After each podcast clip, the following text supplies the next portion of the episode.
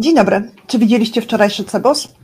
E, ja się nazywam Iwona Wyszogrodzka. Witam Was wszystkich w programie e, Jeszcze Polska. Moim gościem jest Pan e, Michał Majewski, który jest Dzień dobry. analitykiem i, i ekonomistą i pochodzi z Uniwersytetu Warszawskiego.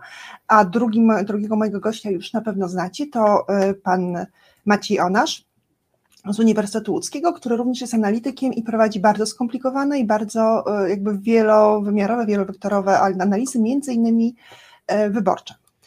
E, Rad, bardzo Was wszystkich zachęcam do tego, żebyście odwiedzili jego konto na Twitterze, bo tam są zamieszczone naprawdę perełki, znaczy na, na bardzo, jakby, bardzo mocnym stopniu skomplikowania. Mam nadzieję, że dzisiejszy program coś zmieni, dlatego że jesteśmy na ostatniej prostej, dlatego że już listy wyborcze zostały zarejestrowane, czy znaczy komitety wyborcze zostały zarejestrowane, a listy wyborcze zostaną zarejestrowane za 8 dni, czyli 6 e, sierpnia i potem już nie będzie możliwości żadnych zmian. A my, 6 września. 6 września, tak. tak. A my będziemy te, te zmiany jeszcze postulować. E, zacznę od tego, że e, moją część internetu rozpalają dwie rzeczy. Znaczy, trudno powiedzieć, że rzeczy. Rozpala ją Giertych, czyli osoba, oraz rozpala ją screen e, z portalu e-wybory.eu. Ojej, coś jest nie tak z mikrofonem? Pewnie dlatego, że go nie podłączyłam. Więc e, czy mogę Was poprosić o 30 sekund przerwy, a ja podłączę mikrofon? Przepraszam bardzo. Słuchasz Resetu Obywatelskiego. Już podłączyłam. E, mam nadzieję, że słychać mnie lepiej niż wtedy, kiedy leżał na stole. Jeżeli nie, to go położę z powrotem na stole. Może, e, może będzie fajniej. Dziękuję. Dzień, dzień dobry, dzień dobry wszystkim tym osobom, które są na top czacie i do nas piszą. E, wrócę do tego, że rozpala nas Giertyk i rozpala nas print, znaczy rozpala nas print screen z serwisu e-wybory.eu. Wszyscy ci, którzy pewnie są teraz, znaczy którzy pozdrawiają nas w tym programie, to są to są osoby, które słuchają nas mam nadzieję, że od dawna. I od dawna wiedzą, że w każdym swoim programie, w każdym, od ośmiu tygodni w każdym mówię o tym, że coś się dzieje na serwisie e-wybory.eu i mówiąc, omawiając po kolejne sondaże z każdego tygodnia, proszę Was wszystkich, żebyście na, ten, e, na tą stronę weszli. Teraz też Was proszę. e-wybory.eu e, i tam klikniecie sobie w sondaże Polska i zobaczycie, e, jak one wyglądają w tej chwili. Jakoś tak się stało dobrze dla nas wszystkich, że e, w mojej bańce informacyjnej e, print screen z, tego, e, z tej strony się pojawił i wzbudził wzburzenie. I to było to, co próbowałam zrobić od 10 tygodni, czyli wzburzyć ludzi, którzy mieli spojrzeć na sondaże i pomyśleć o tym, że chyba trzeba coś zmienić. Najpierw zapytam pana Michała, czy pan widział ten sondaż? Znaczy te sondaże. To znaczy, no, śledzę sondaże, tak, y, różne, które się ukazują. E, też przyznam, że potem zazwyczaj patrzę, co pan Maciej Onasz, jak on przekłada te są wyniki sondaży na, na, na ilość, na, na liczbę posłów e, tak. poszczególnych partii. Mm, no tak, znaczy y, faktycznie sondaże są trochę takie skaczące dosyć mocno ostatnimi Y, tygodniami, tak. To, to, to, to przyznaję, że faktycznie. E, Ale skaczą w, w, obie strony, czy? No tak, no nie wiem, ten skok był taki chyba w jedną stronę, tak? Także ostatnio tak, ostatni sondaż nie, nie, nie napawa optymizmem. A jakie pan, znaczy, jakie pan ma wrażenie po, w ciągu tego tygodnia, nie tygodnia, miesiąca, kiedy się nie widzieliśmy, e, panie doktorze? Tutaj to jest pytanie do Macieja. Sondaże, sondaże pod koniec sierpnia robione, to ja ciągle będę powtarzał, że nie należy przykładać zbyt wielkiej wagi, zbyt wielkich emocji. To są sondaże obarczone jeszcze tak zwanym błędem e, wakacyjnym. E, no, trochę za bardzo traktujemy szczególnie punktowo poszczególne sondaże, jakby zaraz jakaś rewolucja miała nastąpić. Tak naprawdę nie widzimy nic nadzwyczajnego po tych sondażach, nic, co by nas jakoś miało zaskoczyć. Też oczywiście Cebos. No Cebos jest Cebosem, jest bardzo specyficzny, to raczej jakimś dziwnym pomiarem było to, co widzieliśmy w poprzednim, poprzednich wynikach Cebosu, a teraz wszystko wróciło do normy, więc no, ja tutaj specjalnie wielkich emocji bym do tego wszystkiego nie przykładał. W tym czasie, kiedy, kiedy my tutaj rozmawiamy, to Marcin, nasz realizator, którego bardzo gorąco pozdrawiam i który, który dba o jakość naszej transmisji i o jakość komentarzy, będzie starał się pokazać Państwu tą stronę e-wybory.eu, która właśnie wzbudziła taką, no, wzbudziła tą konsternację. Z mojego punktu widzenia, jak, jak ją zobaczymy, o właśnie, to jest ta strona, ale jeżeli przewiniesz ją w dół, Maćku, to zobaczymy, zobaczymy o, o jeszcze niżej, jeszcze niżej. O, zobacz. I to jest właśnie to, co chciałam Państwu pokazać. To jest strona pokazująca, jak wyglądają, jak wygląda um, popularność każdej z partii. Znaczy, no, to jest strona prowadzona od wielu lat, w związku z tym można to prześledzić bardzo długo. Nas interesuje ostatni miesiąc. I ta strona pokazuje, że no, jesteśmy bardzo głęboko pod kreską. Nie tyle strona pokazuje, ile pokazują to analizy pana Onasza, mówiąca o tym, że nie jesteśmy w stanie uzyskać przewagi mandatów od, od paru miesięcy. Natomiast to, co, to, na co chciałam Wam zwrócić uwagę, to są dwa dwa sondaże dwóch zupełnie przeciwstawnych, znaczy przeciwstawnych, jakby dwóch sondażowni, które zwykle pokazują różne wyniki. To jest CEBOS, czyli są sondażownia rządowa. Rządowa dlatego, że powstała, że ona powstała jako sondażownia rządowa, e, chyba jeszcze w 2012 roku, no w każdym razie bardzo dawno. To nie, jakby, ona nie była propagandowa. To była sondażownia, która miała mierzyć nastroje społeczne. Jedna uwaga, pani redaktor, historia CEBOS-u to jest znacznie dalej niż 2012 rok, i znacznie dalej. Tak, to jeszcze, znaczy właśnie, bo ona się jeszcze potem przekształciła znaczy przekształciła z jakiegoś ośrodka analiz. Generalnie jednak chodzi o to, zostaw nam Marcin tą, ten, ten, znaczy tę analizę, dobra? Jeżeli, powie, znaczy jeżeli można nie powiększyć, tak żeby wyraźnie było widać, jaka jest, jaka jest wielkość mandatów, to zobaczymy dwie rzeczy. Zobaczymy, że Cebos i Kantar pokazują dwa mniej więcej takie same wyniki, czyli ogromną przewagę PiS nad Platformą i bardzo niewielkie wyniki Lewicy i Trzeciej Drogi, co jest o tyle dziwne w gronie analityków, że mnóstwo osób uważa, że Cebos przeszacowuje wyniki na rzecz partii rządowej, a Kantar rządzącej, a Kantar przeszacowuje wyniki na rzecz, na rzecz opozycji. Czy Pan doktorze, pytanie do doktora Nasza, czy pan również miał takie wrażenie, czy ma takie wrażenie? Znaczy to, że wyniki w sondaży CEBOS niezależnie z którego okresu byśmy je wzięli, są bardziej przychylne ugrupowaniu rządzącemu, to wynika ze specyfiki tej pracowni, też sposobu prowadzenia pomiarów. Nie ma tutaj nic nadzwyczajnego. Natomiast jeżeli chodzi o Kantar, to no też raczej no, nie kojarzę opinii, żeby on był bardziej przychylny opozycji. To e, raczej jeżeli już to konkretnym formacjom opozycyjnym, e, tutaj jak spojrzymy szczególnie Mm, na przykład na wynik e, trzeciej drogi, no to ten pomiar Kantaru on odstaje od tego, co widzieliśmy w sąsiednich sondażach. Jeżeli chodzi o lewicę, też raczej jest niższy niż te bezpośrednio obok. No ale tutaj no, też nie są aż tak ogromne ogromne różnice, wszystko się nam mieści praktycznie w błędzie pomiaru. Także jeszcze raz, e, szczególnie do jednostkowych sondaży nie podchodźmy z, takim, z takimi emocjami, bo e, one nie, nie temu służą. Tak? No jeżeli tak podchodzimy do sondaży, to znaczy, że ich nie rozumiemy i w, robimy sobie tak naprawdę e, no, taką niedźwiedzią przysługę. Na sondaże trzeba patrzeć jako na pewien ciąg, pewną całość, a nigdy właśnie punktowo na jakiś jeden, tym bardziej, że stara podstawowa reguła. Nawet jeżeli sondaż jest robiony zgodnie ze wszystkimi regułami sztuki, nawet jeżeli nie ma najmniejszych zamiarów uzyskania przechyłów w którąkolwiek stronę, dąży się do uzyskania jak najbardziej wiarygodnych, najlepszych jakościowo wyników, to jest tak istnieje ryzyko, że dostaniemy wyniki, mówiąc tak obiegowo, od czapy, nieodzwierciedlające faktycznej, otaczającej nas rzeczywistości, bo na tym polega też ryzyko błędu związane z tego rodzaju badaniami, z tego rodzaju pomiarami.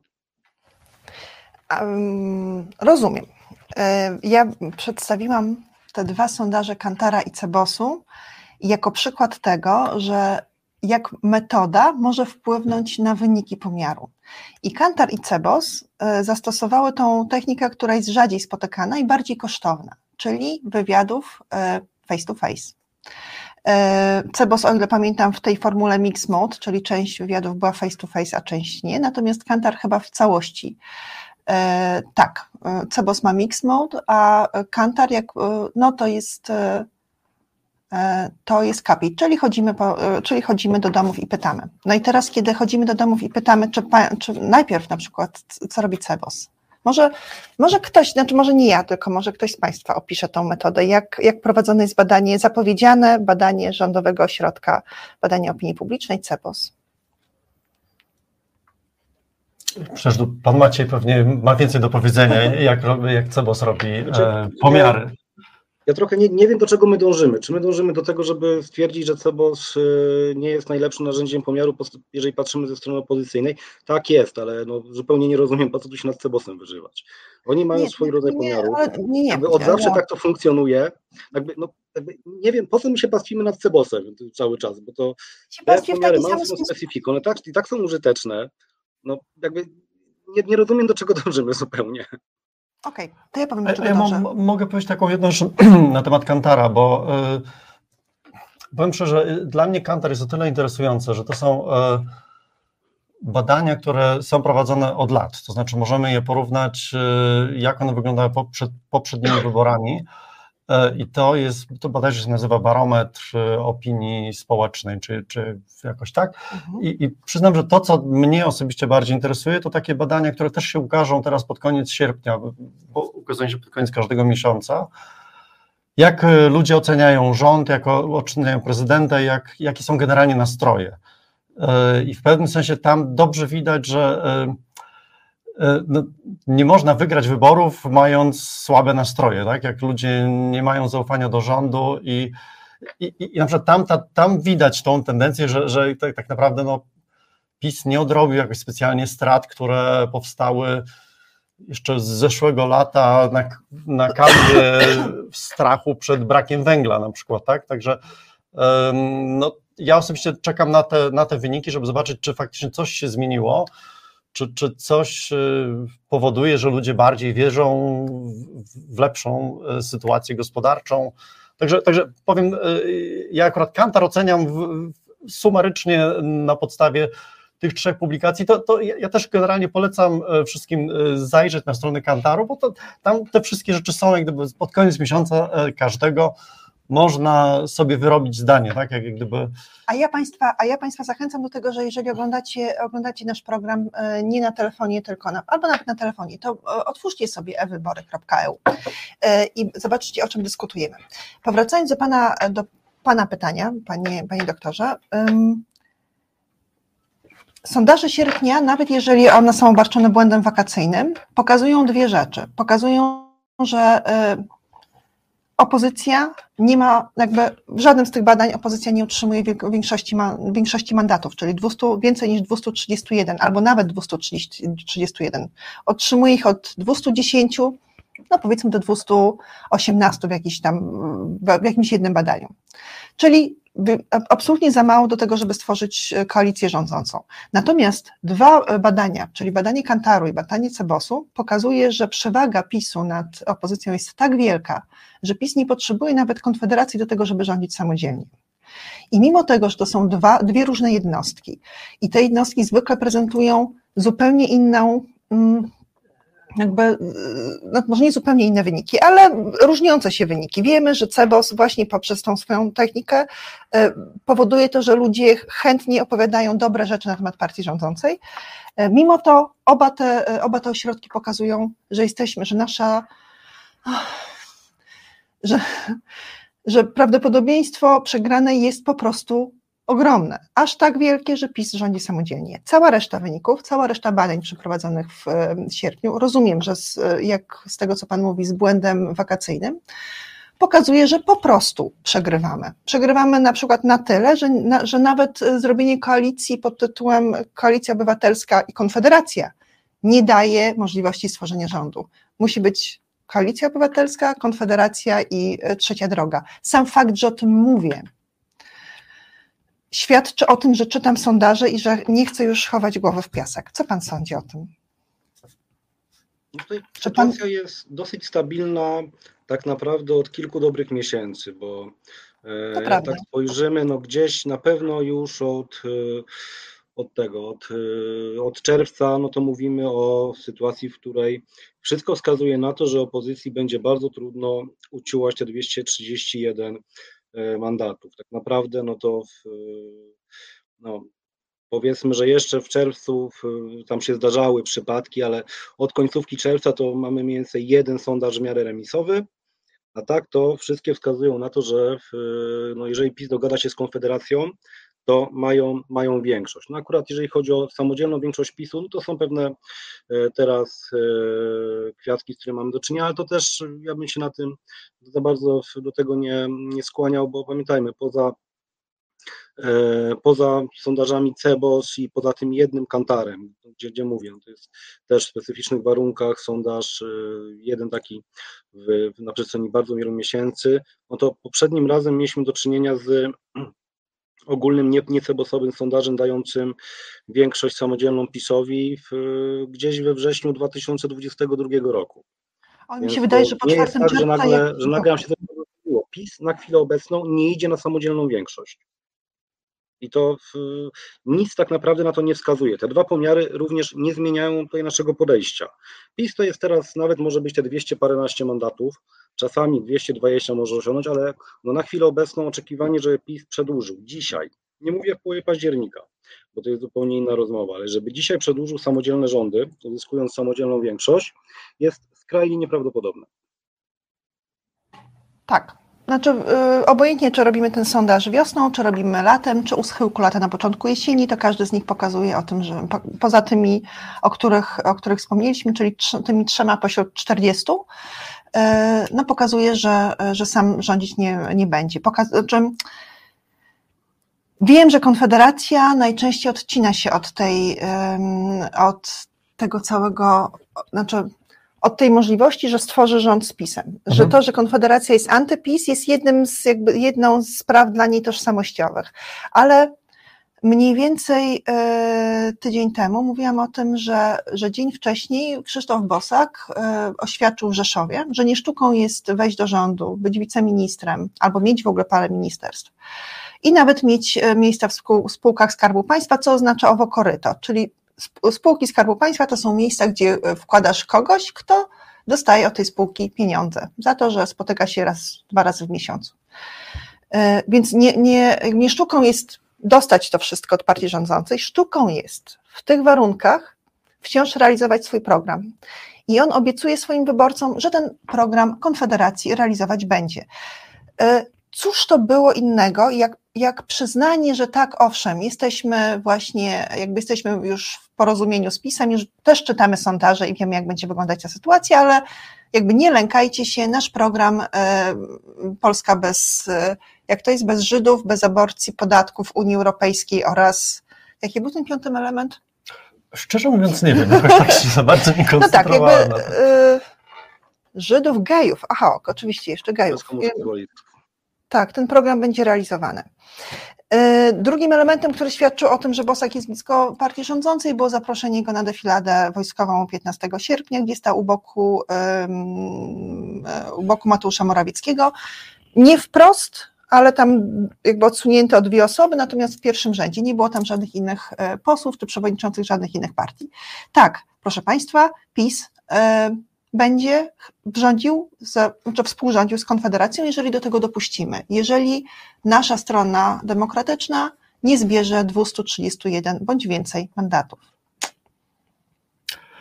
Ja mogę taką jedną uwagę, bo tak. E, ja pamiętam takie, taką e, kampanię wyborczą, początek właśnie też taki letni czas 2005 roku, gdzie właściwie wszyscy byli przekonani, no jedyny możliwy układ rządzący to jest Platforma i PiS wtedy, tak, które, które to partie były tak, no, szły do wyborów w, w opozycji do e, schyłkowej lewicy, no więc to się wydawało, że to właściwie tutaj, no, no, ktoś tam wygra, ale ktoś tam przegra, ale to wydawało się, że to e, będzie wspólny rząd. Jak wiemy, wynik wyborczy umożliwił inne koalicje PiSowi, tak, i to się kompletnie inaczej potoczyło, tak, no, partie Platforma i PiS stały się od tamtych wyborów największymi wrogami, a do tamtego czasu szykowały się do wspólnych rządów.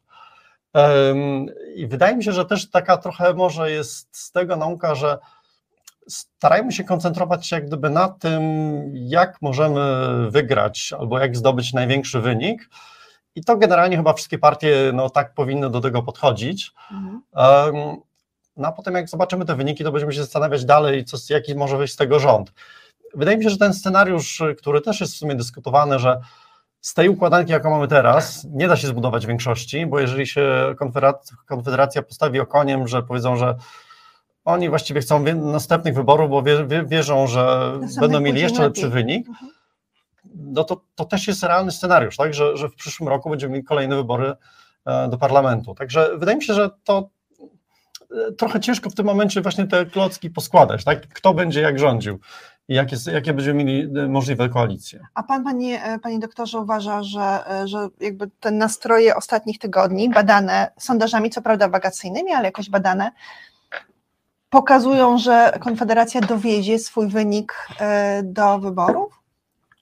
Konfederacja jest w bardzo trudnym dla siebie czasie, bo skończyła się, można powiedzieć, zabawa. To już nie jest etap, gdzie sam Mensen z Bosakiem będą jeździć po kraju i w ten pierwszy będzie rozrzucał pieniądze, czy też fałszywe pieniądze z, z podium. No, to oczywiście dalej się będzie działo, ale teraz wchodzimy w trochę inną rozgrywkę i tutaj bardzo mm, dużym zagrożeniem dla Konfederacji są ich kandydaci bo o ile udało się na, ten, na tym etapie schować, czy to Korwina Mikke, on nie jest tak widoczny w jakimś schowku na szczotki pewnie siedzi, Grzegorza Brauna, schowek na szczotki obok, no to już kontrola nad, no, koniec końców to jest do samego Sejmu, nawet 920 kandydatów jest dosyć trudna. I no to już mieliśmy przypadek tej no, niedoszłej kandydatki, tak, która e, no, to co ona powiedziała było odczytywane jako nawoływanie do hodowli psy na mięso, no, tego rodzaju ekscesy będą, będą się powtarzać, tak, no już też szczególnie na razie w sferze mediów społecznościowych krążą cytaty z wypowiedzi różnych osób z list Konfederacji, szczególnie z jedynek, no to w, czy przepełnione treściami homofobicznymi, czy antysemickimi, czy w, w antydemokratycznymi. No, jest to, co, to, czego możemy się spodziewać i no, to będzie trudny okres dla tej formacji. Natomiast czy ona będzie w stanie się tak łatwo postawić okoniem i stwierdzić, a my z nikim nie chcemy rządzić, no tutaj no Mencen pewnie mógłby sobie na to pozwolić, tak, ale jeżeli chodzi o jego e, starszych kolegów, chodzi właśnie Korwin i Brown, to może być ich ostatnia, ostatnia szansa, ostatni moment, żeby wejść w układ rządzący po stronie władzy wykonawczej. Dla ich pozostałych sprzymierzeńców, dla kandydatów, którzy wezmą mm, mandaty z list Konfederacji, no to doprowadzenie do bardzo szybkich wyborów e, kolejnych parlamentarnych będzie mało korzystne, bo część z nich bardzo wiele lat pracowała na tej skrajnej prawicy, próbowała sobie wyrabiać pozycję. Teraz będą zmuszeni do tego, żeby władować niemałe pieniądze w kampanię, no to mają bardzo szybko rezygnować z jakichkolwiek e, zysków z tego płynących, no, to nie jest takie proste. E, nam się wydaje czasami z perspektywy obserwatorów, że rozwiązanie Sejmu to wszystko fajnie, ważne, że się liderzy dogadają. No nie, tam, są, tam mamy wtedy 460 e, interesów, ponieważ każdy sposób ma własne interesy i raczej dla ogromnej części z nich nie jest to korzystne, żeby doprowadzić do rozwiązania Sejmu. Więc tutaj to będzie jeden z argumentów, dla których, które mogą pchać e, Konfederację w jakąś formę koalicji, co nie znaczy, że to się nie skończy przed terminowymi wyborami, ponieważ współrządzenie z Konfederacją, niezależnie czy to będzie PiS, czy to będzie Platforma, pamiętajmy, że Platforma też czegoś takiego nie wykluczyła i coraz więcej wskazuje na to, że się szykują na to.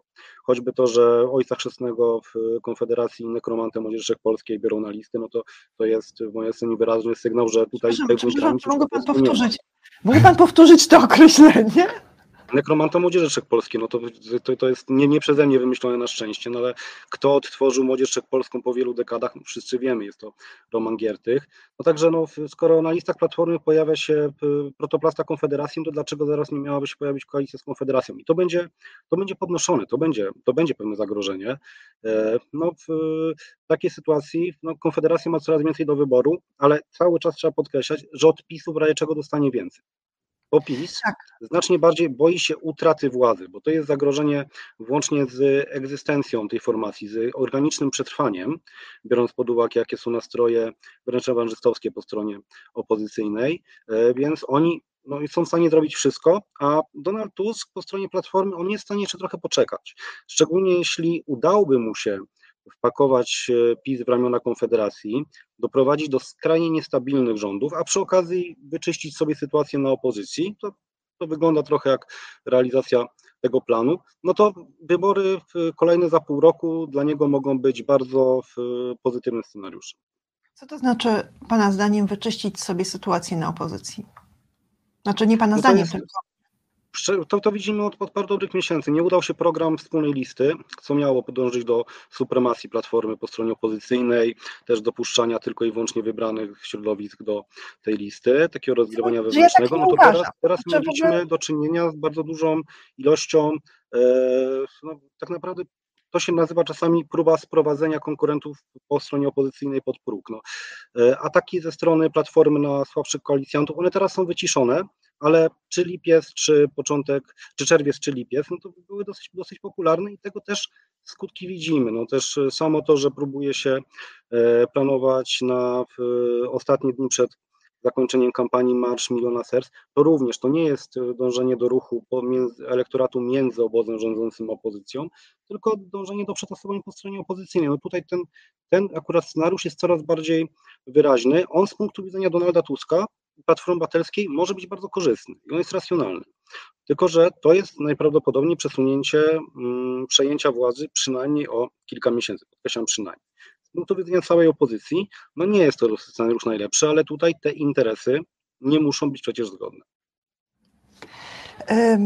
Dziękuję za tą wypowiedź. Za chwilę poproszę o to, żeby ustosunkował się do tego e, pan Michał Majewski, bo my zgromadziliśmy się tutaj, proszę Państwa, po to, żeby znaleźć rozwiązania tego, żeby jednak triumvirat e, Koalicji Obywatelskiej, Lewicy oraz, e, oraz Trzeciej Drogi zatriumfował. To znaczy, abyśmy zdobyli wspólnie razem te 300, 231 bądź więcej mandatów moja działalność tutaj w Resecie, Państwa działalność również trochę na, e, na, na wasz, waszych mediach, waszych social mediach pokazuje te kierunki.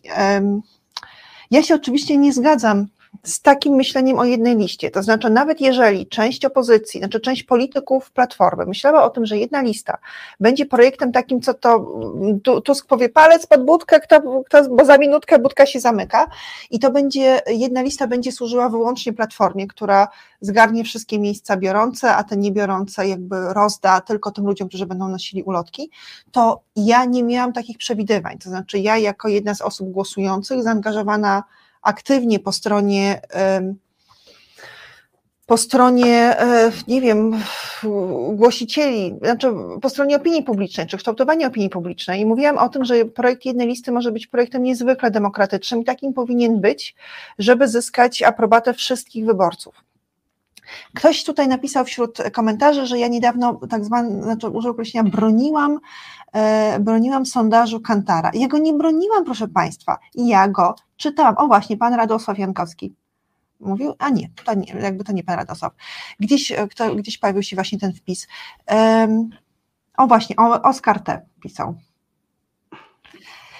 Nie broniłam sondażu Kantara, tylko go czytałam. Ten sondaż, który był zlecony przez Forum Długiego Stołu yy, i przez doktora Machowskiego, pokazywał, że nawet jeżeli wśród elektoratu i e, Platformy to w ogóle najmniej, ale wśród elektoratu Hołowni też bardzo malutko, ale wśród elektoratu Lewicy znajdzie się grupa, która mówi nie, nie, nie, ja nie będę głosować na, na wspólną listę, na inną listę, na której są przedstawiciele Lewicy i Hołowni i coś tam, bo ja nie chcę, żeby Giertek szedł, więc nie będę. Nawet jeżeli oni powiedzą, że nie będziemy głosować i staną w domu, to ta liczba głosujących jest wystarczająco duża, żeby oddać tyle głosów, aby jedna lista zyskała y, dużą, wyraźną przewagę nad, y, nad y, listami Konfederacji oraz Zjednoczonej Prawicy. I tyle. I ten sondaż to pokazał.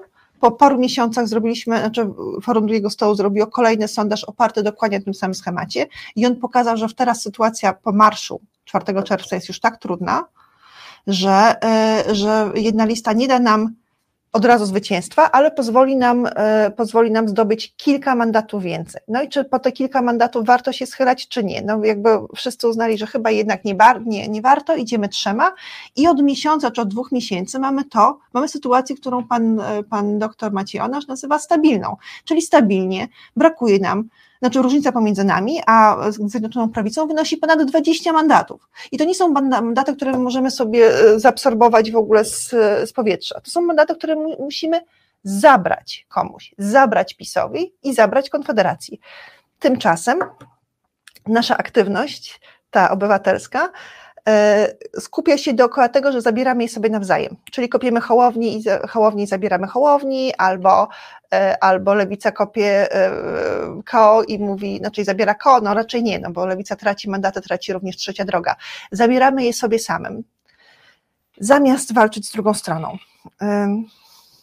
Okay. Widzi pan to tak samo? E, to powiem, znaczy ja powiem tylko jedno zdanie na temat wspólnej listy. Wydaje mi się, że e, ja powiem tak, e, trochę się tą, tą e, tematyką wyborczą interesuję i żeby zrozumieć, jak ta wspólna lista mogłaby zadziałać, to mi to trochę zajęło czasu, tak? Znaczy, i teraz taki projekt jak wspólna lista e, należałoby uzgodnić rok temu mieć na to czas, żeby y, ludzi nauczyć, jak to, jak to działa, że ona jest w gruncie rzeczy demokratyczna. Także wydaje mi się, że już teraz jakiejś wielkiej wspólnej listy ja już bym jakby no, ani nie widział, ani tak, tak realnie ona do tego tam 6 września się nie wydarzy. Ale może jakby powiem, padło nazwisko e, Romana Giertycha. Ja tylko dwoma słowami chciałem nawiązać do tego wszystkiego. Może e, pan opowiedzieć o, o panu, pan zdanie na temat Giertyka naszym widzom, którzy są właśnie tam. Okej, okay, dobra. E, więc tak, jak z, patrzyłem e, no, z pewnym takim e, Okay. Jak były formułowane e, propozycje list wyborczych, tak? Popadło, no to było od miesięcy wiadomo, że Donald Tusk będzie jedynką platformy w Warszawie. Ja na to patrzyłem z takim lekkim przerażeniem, bo wiem, że y, Warszawie te, te głosy, znaczy mandaty poselskie najtrudniej zdobyć. No, potrzeba, potrzeba najwięcej głosów, żeby zdobyć jeden mandat. I to, to dotyczy wszystkich, wszystkich partii politycznych, które startują y, w Warszawie. Y, możemy trochę jeszcze potem powiedzieć, z czego to wynika. Natomiast ja jak spojrzałem na, na, na te przymiarki list, to w połowie lipca no, wiedziałem, że to jest kompletne political fiction. Powiedziałem i to napisałem w moim artykule, że Donald Tusk powinien być jedynką koalicji obywatelskiej w okręgu świętokrzyskim. No i to była połowa bo tak, lipca. Bo tam jest 16 mandatów. To jest drugi co do wielkości okręg wyborczy w Polsce. Tak. On jest y, bardzo mocno zdominowany przez wyborców PiS. Y, PiS tam zdobywa nie, nie powiem dokładnie ile mandatów, ale no to jest e, myślę tak powyżej 60% mandatów. A teraz no, no wiemy, że Donald Tusk no ma tą możliwość e, przyciągania wyborców tak, z innych okręgów, z innych e, miejsc, z dużych miast w Polsce. No więc ja napisałem taką tezę, że no dobrze, żeby ten Donald Tusk wystartował w Kielcach, bo wtedy mamy szansę, że y, wyborcy czy z Poznania, czy z Warszawy, zwolennicy Donalda Tuska y, zagłosują na niego w Kielcach i że to nam przyniesie dodatkowe mandaty. A, znaczy przyjadą z... Z Warszawy, z Poznania, z Krakowa. Przyjadą do, do, do, do Świętokrzyskie, żeby zagłosować tak, na... Tak, tak, tak. To jest taka wycieczka typu godzina samochodem z Warszawy, no bo nie no trzeba dojechać, nie trzeba, y, Świętokrzyskie to jest taki jeden z takich okręgów, który obejmuje całe województwo, także wystarczy dojechać do Świętokrzyskiego i wtedy już wiadomo, że się głosuje w tym okręgu. No więc napisałem, co mi wychodziło z tego wszystkiego. No wiedziałem, że, że no nie, to się no nie wydarzy. No i tak z pewnym takim zdziwieniem, no i no, ciężko powiedzieć satysfakcją, no, zobaczyłem, że, że właśnie tam ma wystartować Jarosław Kaczyński. No i tak jak wszyscy to ocenili, no dobra, ucieka przed Tuskiem. No ja stwierdziłem, no po prostu, no, no tak wychodzą kalkulacje PiSowi. E, znaczy, to jest, pewien, to jest pewna oznaka słabości, że oni też tak naprawdę są trochę na krawędzi i trochę liczą każdy mandat e, i nawet ten prestiż pre, pre, prezesa mogą poświęcić bo widzą, że ten prezes zrobi no, mandatowo lepszy wynik w Świętokrzyskim. Przecież o to właśnie chodzi. Przecież to nie, jest, to nie są wybory prestiżów i złotych karet. To są no. wybory, no. wsadza się kogoś, kto może ciągnąć listę na do tego regionu, gdzie jest największa szansa na to, żeby zdobyć większość na tej liście. E, ja, ja nawet tak powiem szczerze, prześledziłem starty Jarosława Kaczyńskiego. E, nie wiem, ile ich było, no podejrzewam, że z 8 albo 9. On chyba raz był numer, znaczy zdobył największą liczbę głosów w Warszawie. To było chyba w 2005 roku. No a tak to zawsze z kimś tam przegrywał, tak? Nie, nie, nie zdobywał tych, tej największej liczby głosów, no ale w zasadzie pewnie mu to specjalnie nie przeszkadzało, tak? Bo jego interesuje, żeby mieć władzę, a nie startować w jakimś tam prestiżowym konkursie, kto zdobędzie największą liczbę głosów. Ja to trochę porównuję do takiej e, analogii sportowej. To jest trochę tak, jakbyśmy e, w meczu tenisowym albo w meczu siatkarskim emocjonowali się tym, kto zaserwuje 10 asów serwisowych pod rząd. Tak? I to jest, no, to jest pewien taki ornament, tak? Kto zdobędzie największą liczbę głosów, ale. Króla no, strzelców na przykład. Tak, tak, ale to nie ale, znaczy, że jego drużyna, wynik, tak? drużyna no, wygra Mistrzostwa Świata. Tak, także no, tak powinniśmy do tego podchodzić. No i teraz tak, jak gdyby odpowiedź y, w postaci Romana Giertycha, który y, no tak... To jest odpowiedź, Jezu. Ale no dobrze, no tak, tak to jest widziane, tak? Teraz y, to, że ten Roman Giertych wystartuje w, w, w Świętokrzyskiem, wydaje mi się, że no, jest jakąś też próbą wygenerowania tam lepszego wyniku, tak? tak? Ja myślę, że to w pewnym sensie też jest e, takie, no może i oczyszczające, no, i na przykład dla lewicy również, tak, bo lewica może powiedzieć, no, no patrzcie, no to jest ten Roman Giertych, który no, ma takie poglądy, jakie ma konserwatywne i, i, i dlaczego on jest teraz na liście e, KO, ale z drugiej strony, no to można powiedzieć, no, no Koalicja Obywatelska, Platforma Obywatelska no, ma te swoje korzenie konserwatywne, tak? I, czy tam no, liberalne, ale no, też tam były osoby, no dalej tam są posłowie, którzy pewnie mają y, jednak po, po, takie, takie poglądy.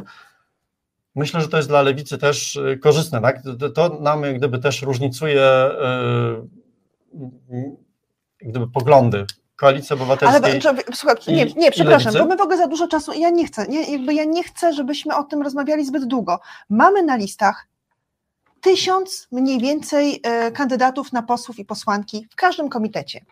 I to nie tylko w tych trzech, bo tych komitetów jest e, w tej chwili, nie wiem, tam zarejestrowanych 90. E, no będzie ich co tam prawda, pewnie 6-7, tak? No, co prawda większa Tych ogólnokrajowych myślę, że będzie Tak, 5. i omawianie jednej kandydatury, jednego człowieka na jednym miejscu, w jakimś jednym świętokrzyskim i poświęcaniu temu energii, czasu oraz w tej chwili czasu antenowego jest rzeczą, która naprawdę okay. z mojego punktu widzenia e, mija się z celem. Chciałabym, przepraszam w ogóle, że, e, że tak mówię, ale to jest jakby rzecz, którą zwalczam, bo ja mam wrażenie, że my energię naszą, inteligencję, pomysłowość kierujemy w, w, w coraz bardziej wymyślne formy e, naznaczenia Giertycha, tutaj nekromanta, naprawdę, po, no come on. Nie, znaczy, to, to może ja. Tak, można... Uważam, że mam bardzo delikatnego języka, tym bardziej, panie redaktor, trzeba pamiętać, że ja na przykład jestem przez tego pokolenia, co prawda, to był, kiedy Gierty był ministrem, to ja już skończyłem szkołę średnią, ale jednak z tego pokolenia, które zwalczało tego człowieka jeszcze na ulicach. Więc e, wystawienie tego człowieka, byłego ministra, wicepremiera nawet w rządzie Jarosława Kaczyńskiego, niech będzie, że reaktywatora Młodzieży Czech Polskiej, człowieka, który reaktywował skrajną prawicę nacjonalistyczną w Polsce, no to ja się nie mogę zgodzić z tym, że nie możemy poświęcać czasu tej jednej kandydaturze. No bo to ja mam takie pytanie, kto będzie następny? To co, może Bosaka, może Mencena, a może nie wiem, Zbigniewa Ziobry, bo, bo tu mówimy o tym kalibrze ludzi. Bo to, to, to, jest naplucie w twarz milionom tak naprawdę ludzi. Już nie mówię o tym, że ja, ja, ja gwarancji, że na listach ja... Koalicji Obywatelskiej nie znajdzie się ani jeden kandydat, który nie będzie popierał e, poszerzenia prawa do przerywania ciąży. Pojawia się tam Roman Gierty, którego wypowiedzi na ten temat są bardzo, bardzo ja mam wrażenie, Ja mam wrażenie, że tu postawimy mu ultimatum. To, bo nie możemy pomijać tej kandydatury. Zupełnie nie możemy, bo to byłoby moim zdaniem całkowicie nieuzasadnione. Tusk postawił mu ultimatum, do środy ma się określić, czy będzie popierał, czy nie. Nadal, nadal debatujemy nad Giertychem, który jest jednym z tysiąca posłów. Lubię hasło y, strajku kobiet, który mówi o tym, nie chcesz aborcji, to jej sobie nie rób. Nie chcesz Giertycha, to na niego nie głosuj.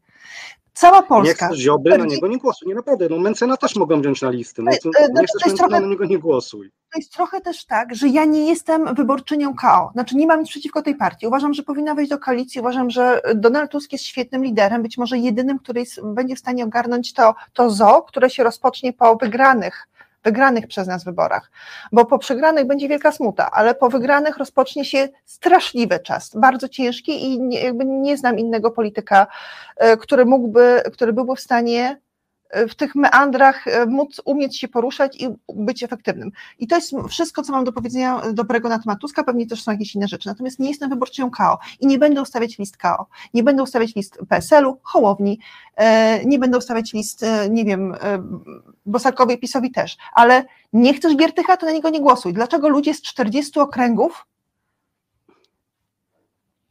debatują na temat tego, kto jest wstawiony w 41 okręgu, w którym nie mieszkają? Dobra, to będzie to było pytanie Okej. retoryczne i nie chcę otworzyć, otwierać kolejne dyskusje na ten temat. Zna- Znaczy, y- y- ja powiem ta- taką jedną rzecz, bo, bo ja mam też takie dosyć przekonania demokratyczne. Bo, powiem tak, jeżeli Roman Giertych, który no, jest jak najbardziej człowiekiem antypisowskim teraz, tak? Jezu, czyli jednak, Ale no, nie, ale, czyli ale jednak, nie, w ogóle- nie, czy nie, nie, jeszcze chcę tylko powiedzieć, jeżeli on ma swoich y, zwolenników, no, no bo ma, ma to, to, znaczy jest grupa ludzi, których on by w tym Sejmie reprezentował ich poglądy, tak? Tak. Także ja mam trochę takie podejście, że nie patrzmy na kandydatów, nie patrzmy na Sejm na, tylko na zasadzie takiej, że to ma być, mają wygrać nasi, tylko też spójrzmy na to w ten sposób, że to ma być jakaś reprezentacja całego naszego społeczeństwa, tak? Jeżeli są takie osoby, y, dla których Roman Giertych jest autorytetem i takie osoby chcą na niego głosować, no to niech ten Roman Giertych kandyduje, no i to jest dla mnie tyle, tak? Jak gdyby to, że ktoś kandyduje, to nie znaczy, że zostanie wybrany, no on jak gdyby dalej musi zyskać poparcie ludzi. Jeżeli zyska poparcie ludzi, no to znaczy, że to, to poparcie ludzi uprawnia go do reprezentowania tych ludzi w Sejmie, tak? I to, to jak gdyby tylko tyle. Tak. Tak, ja, ja też nie, nie wydaje mi się, że znajdziemy tysiąc osób e, w, w każdym komitecie, z których każda, każda jedna osobno oraz jej, e, jej biografia, jak rozumiem u Giertycha to było 20 lat temu, tak? Kiedy to było 2000, Nie, to które... było parę miesięcy temu nawet jego wypowiedziami. Nie, nie, nie, na Ale no, moment, możemy kiedy, ten kiedy temat zostawić, tylko chciałbym jedną, jedną uwagę tutaj, jedną rzecz bardzo ważną zaznaczyć. To, co w, pan Michał powiedział, no, to jeżeli Grzegorz Braun się znajdzie na listach Koalicji Obywatelskiej, to można powiedzieć dokładnie to samo. Gdzieś dlaczego- muszą być jakieś granice, jeżeli chcemy tutaj debatować o tym, jak ma zachowywać się opozycja, którą ja nazywam liberalną, a ona sama lubi nazywać się demokratyczną. No to albo Panie faktycznie stawiamy jakieś wymagania, albo dopuszczamy wszystko. No, moim zdaniem nie ma dużej różnicy między wzięciem na listy Romana Giertycha, a wzięciem Grzegorza Brauna. No to podobne No, bardzo. Persony, Dla mnie jednak to są różne osoby, tak? Znaczy też jak gdyby. Osoby różne, podobne. E, Zaprosiłam i mam, pisze pan Radosław Jankowski.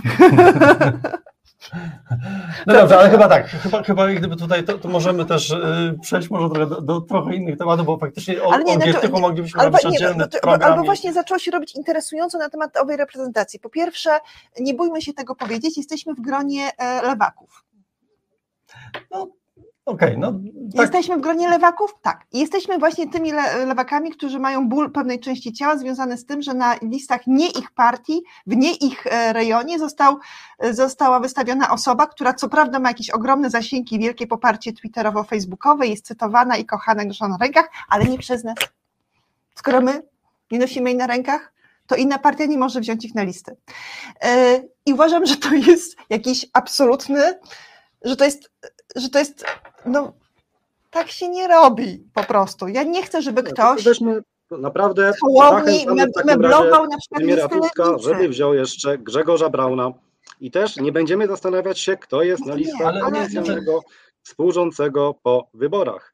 No nie no, pani redaktor, bądźmy poważni, jeżeli opozycja idzie z jakąś ofertą i bierze na listy ludzi, którzy są przekreśleniem tej oferty, biorąc pod uwagę i zarówno ich życiorys, jak i wypowiedzi niedawne, to to jest rzecz, którą jako osoby, które chcą tutaj jakoś pomóc mm, wyborcom opozycyjnym się odnaleźć w tym całym naszym polskim bałaganie, jak najbardziej musimy poruszać i w mojej ocenie musimy wprost potępiać.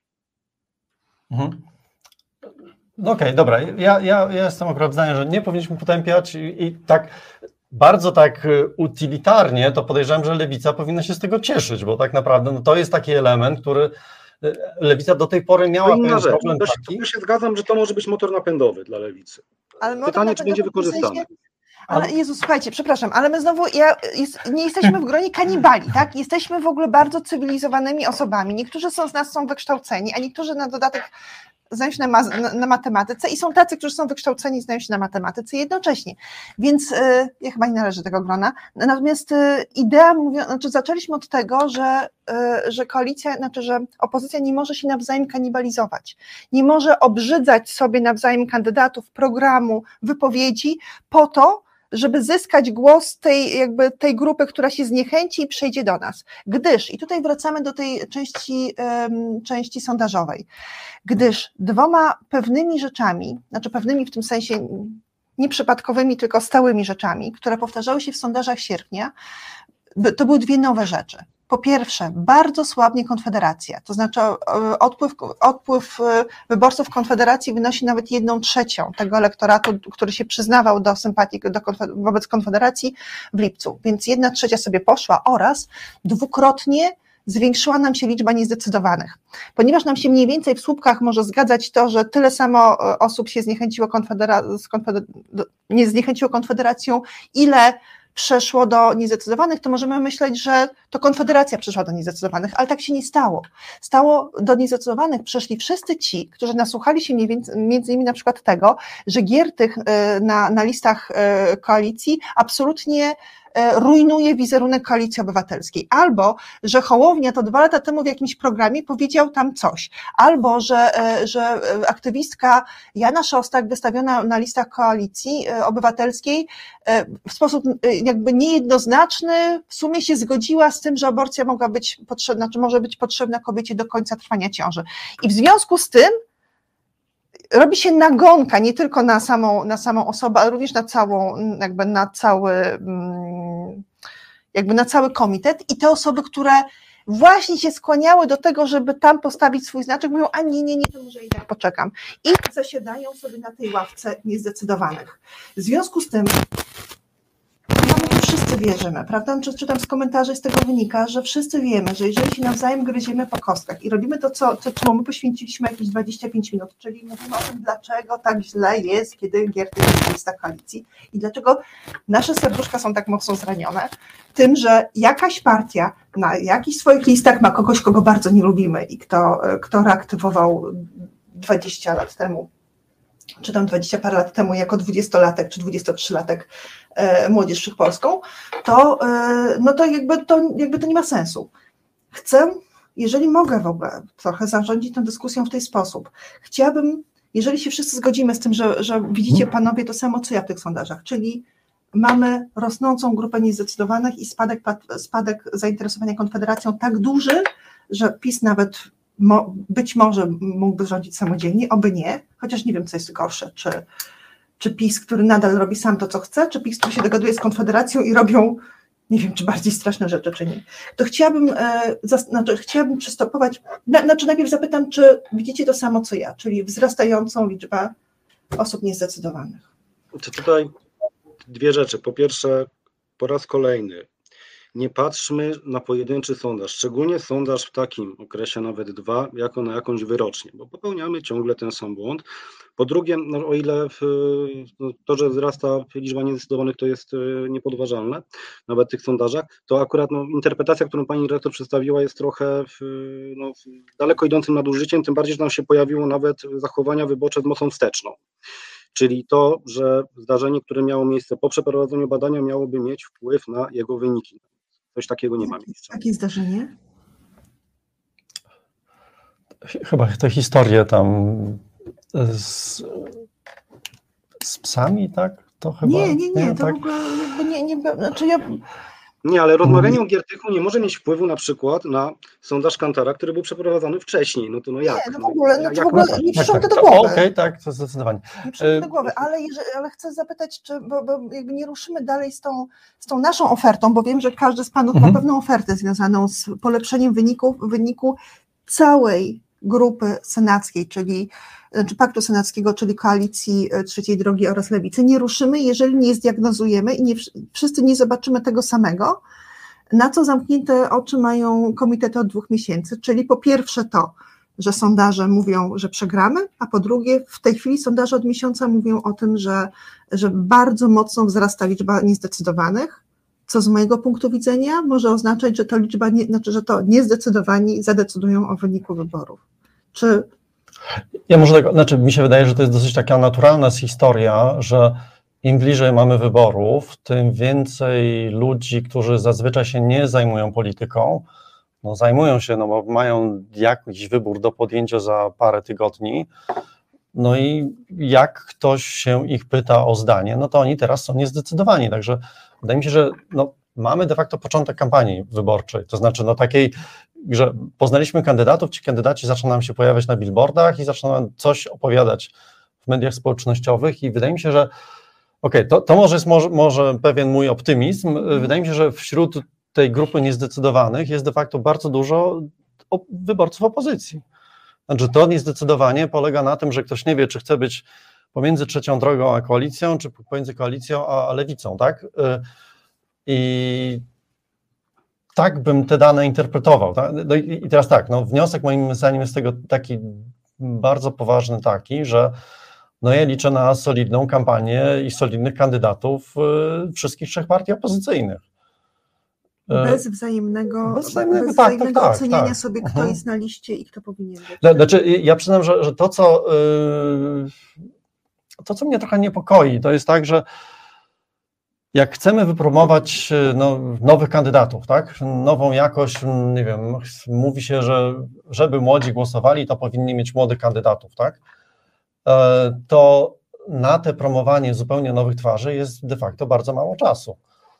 Czyli y, no, ten tryb, że my te listy, znaczy no, nie my, komitety, obywa, komitety wyborcze trzymają te listy no, w sumie w tajemnicy. Ja bym chciał tak naprawdę, żeby kandydat niezależny wiedział o tym, że będzie kandydatem niezależnym na liście tam czy KO, czy tam lewicy, czy yy, trzeciej drogi, pół roku temu i żeby ta, ta, osoba przez ostatnie pół roku była w stanie się pokazać. No tego, tego niestety nie było. No mamy te tam sześć tygodni pewnie kolejne, tak, gdzie będziemy mieli intensywny czas kampanijny, no i mam taką nadzieję, że e, wszystkie komitety opozycji ten czas wykorzystają.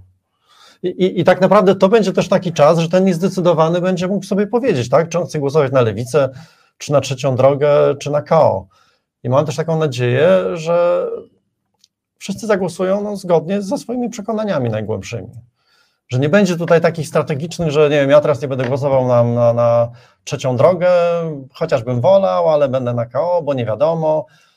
Naprawdę mam nadzieję, że wszyscy zagłosują na tych ludzi, którzy, na, na te komitety, które są na, najbliższe im poglądom. No taki jest trochę sens demokracji tak poza naprawdę, innym. No, oczywiście, tak naprawdę pewnie w, w jakimś takim zdrowym społeczeństwie, bez, bez zagrożenia ja się czuję zagrożona, nie czuję się bezpiecznie. I to nie czuję się zagrożona tym, że, że Wagnerowcy ćwiczą 400 kilometrów od granicy białoruskiej, polsko-białoruskiej, a przez płot e, przedostają się osoby, które chcą żyć w lepszym świecie, aniżeli ten, który opuszczają. Nie to, nie to powoduje, że czuję się nie czuję się bezpieczniej.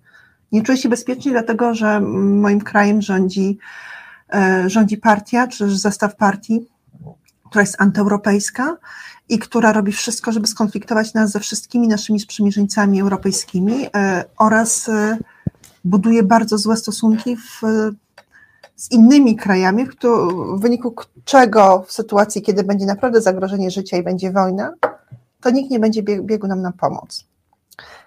Ja mam takie, mam, ja mam taką obawę. Dobrze, ale bo ja nie chcę, jakby, przepraszam, bo tutaj był jakiś znowu osobisty wątek, który ja sama pociągnęłam, wymyśliłam i pociągnęłam. Chodzi o to, że e, Pan się zgadza z tą, z tą teorią, która mówi o tym, że mamy pracować nad niezdecydowanymi. Jak najbardziej, tak. Panie doktorze, czy pan też? Zawsze, tylko że przypominam tutaj też, co pan Michał powiedział, to nie jest jakiś nadzwyczajny moment, że jest jakoś ich nagle bardzo dużo, że to jakaś grupa, która się pojawiła. Nie, to jest zgodne z przewidywaniami. Oni po prostu w tym momencie kampanii muszą być i każdy komitet wyborczy będzie nad nimi pracował, głównie dlatego, że jest to wyborca, którego pozyskanie jest relatywnie tańsze, jeżeli chodzi o alokację zasobów, niż pozyskanie wyborcy z obozu przeciwnego, bo wtedy trzeba, mówiąc obrazowo, najpierw go odkleić od tej formacji, którą w danym momencie popiera, a dopiero potem przykleić do siebie. Z wyborcą niedecydowanym jest, jest trochę prościej. No to oczywiście pytanie, co to są za wyborcy? To jest strasznie skomplikowana grupa z kilku względów. Po pierwsze, ona jest bardzo e, dynamiczna. Ludzie dopływają do tej grupy, odpływają z różnych kierunków. Bardzo trudno tą grupę badać, a też no, tutaj taka mała, mała gwiazdka. e, No, nie zawsze ją widzimy nawet w sondażach, bo nie każda sondażownia nawet tą grupę podaje. Bardzo często po prostu jest ona odrzucana i od razu są wyniki sprowadzane do innego mianownika. No tutaj po części spodziewamy się, że w, cze, du- istotna część, może nie duża, ale istotna, tak? To jest to ci wyborcy, o których mówił pan Michał. Ci wyborcy ogólnie opozycyjni, którzy będą się zastanawiać, do którego koszyczka ten kamyczek wrzucić, do którego z ugrupowania opozycyjnych. Po drugiej stronie, i na to wskazują nam zarówno e, zmiany w poszczególnych sondażach, w takim dłuższym tempie, jak i też badanie tej grupy pod kątem różnych problemów, czy problemów migracji, czy no, tam, gdzie mamy jakiś problem rozstawiany również na poszczególne elektoraty, tam jest dosyć dużo byłych wyborców Prawa i Sprawiedliwości. Wyborców, którzy zniechęcili się do swojej dotychczasowej formacji, ale nie podjęli jeszcze decyzji o tym, że przenoszą swoją sympatię na którejś z ugrupowań e, dzisiejszej opozycji. I to będą w pierwszej kolejności wyborcy, po których będzie sięgał PiS.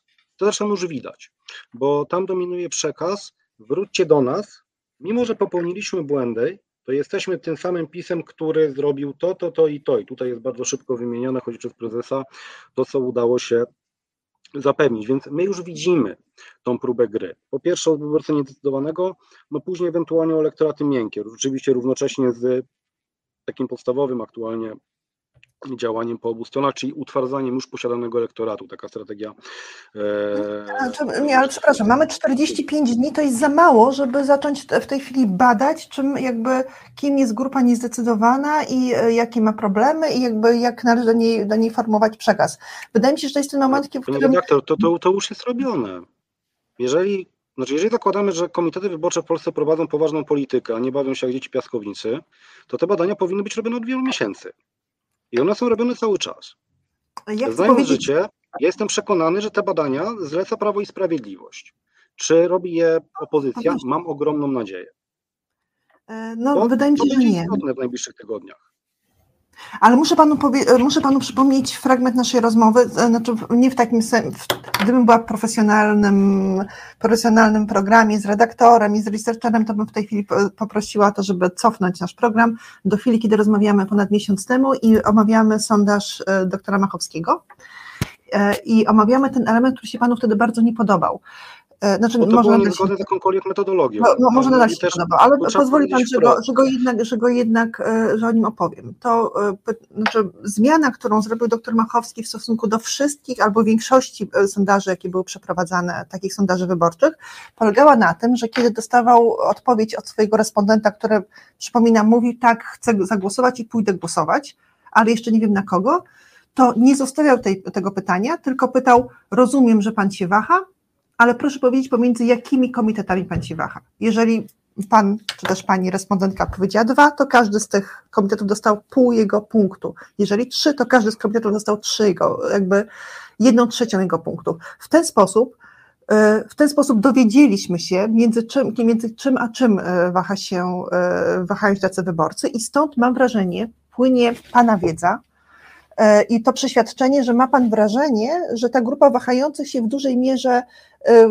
rekrutuje się spośród osób, które chcą głosować na, na stronę opozycyjną, ale nie, wiem, na którą, nie wiedzą, na którą formację pośród tych opozycyjnych, bo to nie jest rzecz, która przychodzi intuicyjnie do głowy. To jest rzecz, która wynikała wtedy z tego słynnego badania, e, badania Kantara, badania e, Forum Okrągłego Stołu na Tak, temat jednej listy. jeżeli mogę, bo no, osiągamy pan- jakiś poziom że pan totalnego bardzo. Że Panu się To, bardzo zrobiono, nie spodobało. Pani redaktor, to co zrobiono w dwóch edycjach sondażu obywatelskiego, to jest zrobienie sobie żartów i to bardzo poważnych, po raz kolejny to podkreślam, z obywateli. Bo przedstawiono coś, co nie było wynikiem sondażu, ale wynikiem pewnego przetworzenia już danych, Mhm. jako wynik sondażu. Za pierwszym razem poznaliśmy dopiero po paru dniach, za drugim razem równolegle dostaliśmy wyniki sondażowe. I właśnie przez tego rodzaju zmiany można tworzyć jakąś dziwną narrację, jakoby w którymkolwiek z przypadków sondaż obywatelski dawał większość zjednoczonej opozycji, co jest niezgodne z rzeczywistością. Panie doktorze, ja będę bardzo panu, bardzo panu wdzięczna. sposobu myślenia, niezgodnego z realiami.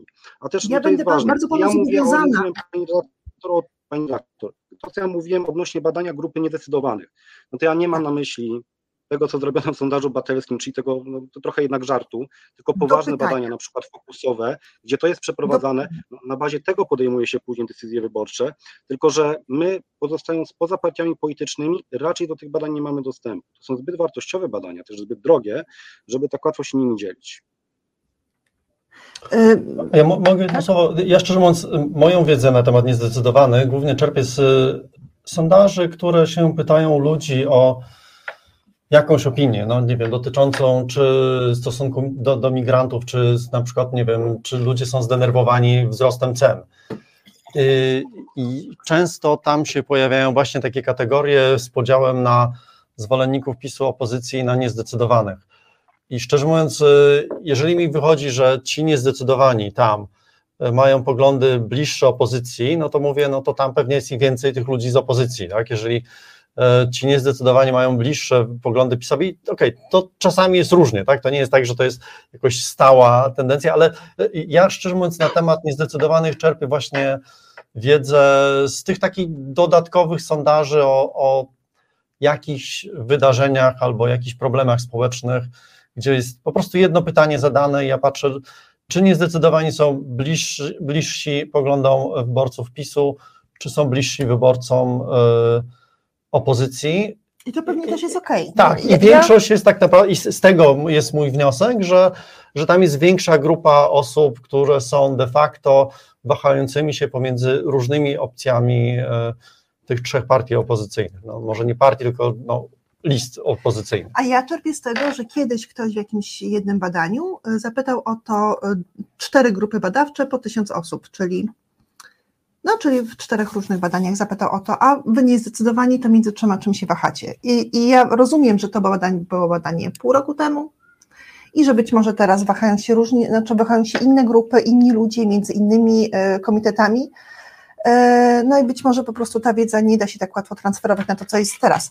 Natomiast e, słuchajcie, minęła godzina, a my jeszcze nie podaliśmy żadnego przepisu. Na razie moglibyśmy traktować jako rozbiegówkę i ustalenie w ogóle, gdzie, e, gdzie się, w których momentach my się różnimy, ale musimy zacząć od rzeczy, które, z których się nie różnimy, czyli bo rozumiem, że pan, panie doktorze, mówi o tym, że ta grupa niezdecydowanych nie jest jakoś, ani nie jest specjalnie większa niż w listopadzie, znaczy niż w lipcu, ani też jej pojawienie się nie jest jakąś wyjątkową, jakby wyjątkową sytuacją, bo zwykle taka grupa się pojawia właśnie na tym etapie wyborów, tak? No, nie mamy żadnych przesłanek, żeby twierdzić, że nagle pojawiła się nadzwyczajna grupa, której się nie spodziewaliśmy. Wszystko jest w ryzach. Zresztą też pan Michał na to zwraca uwagę.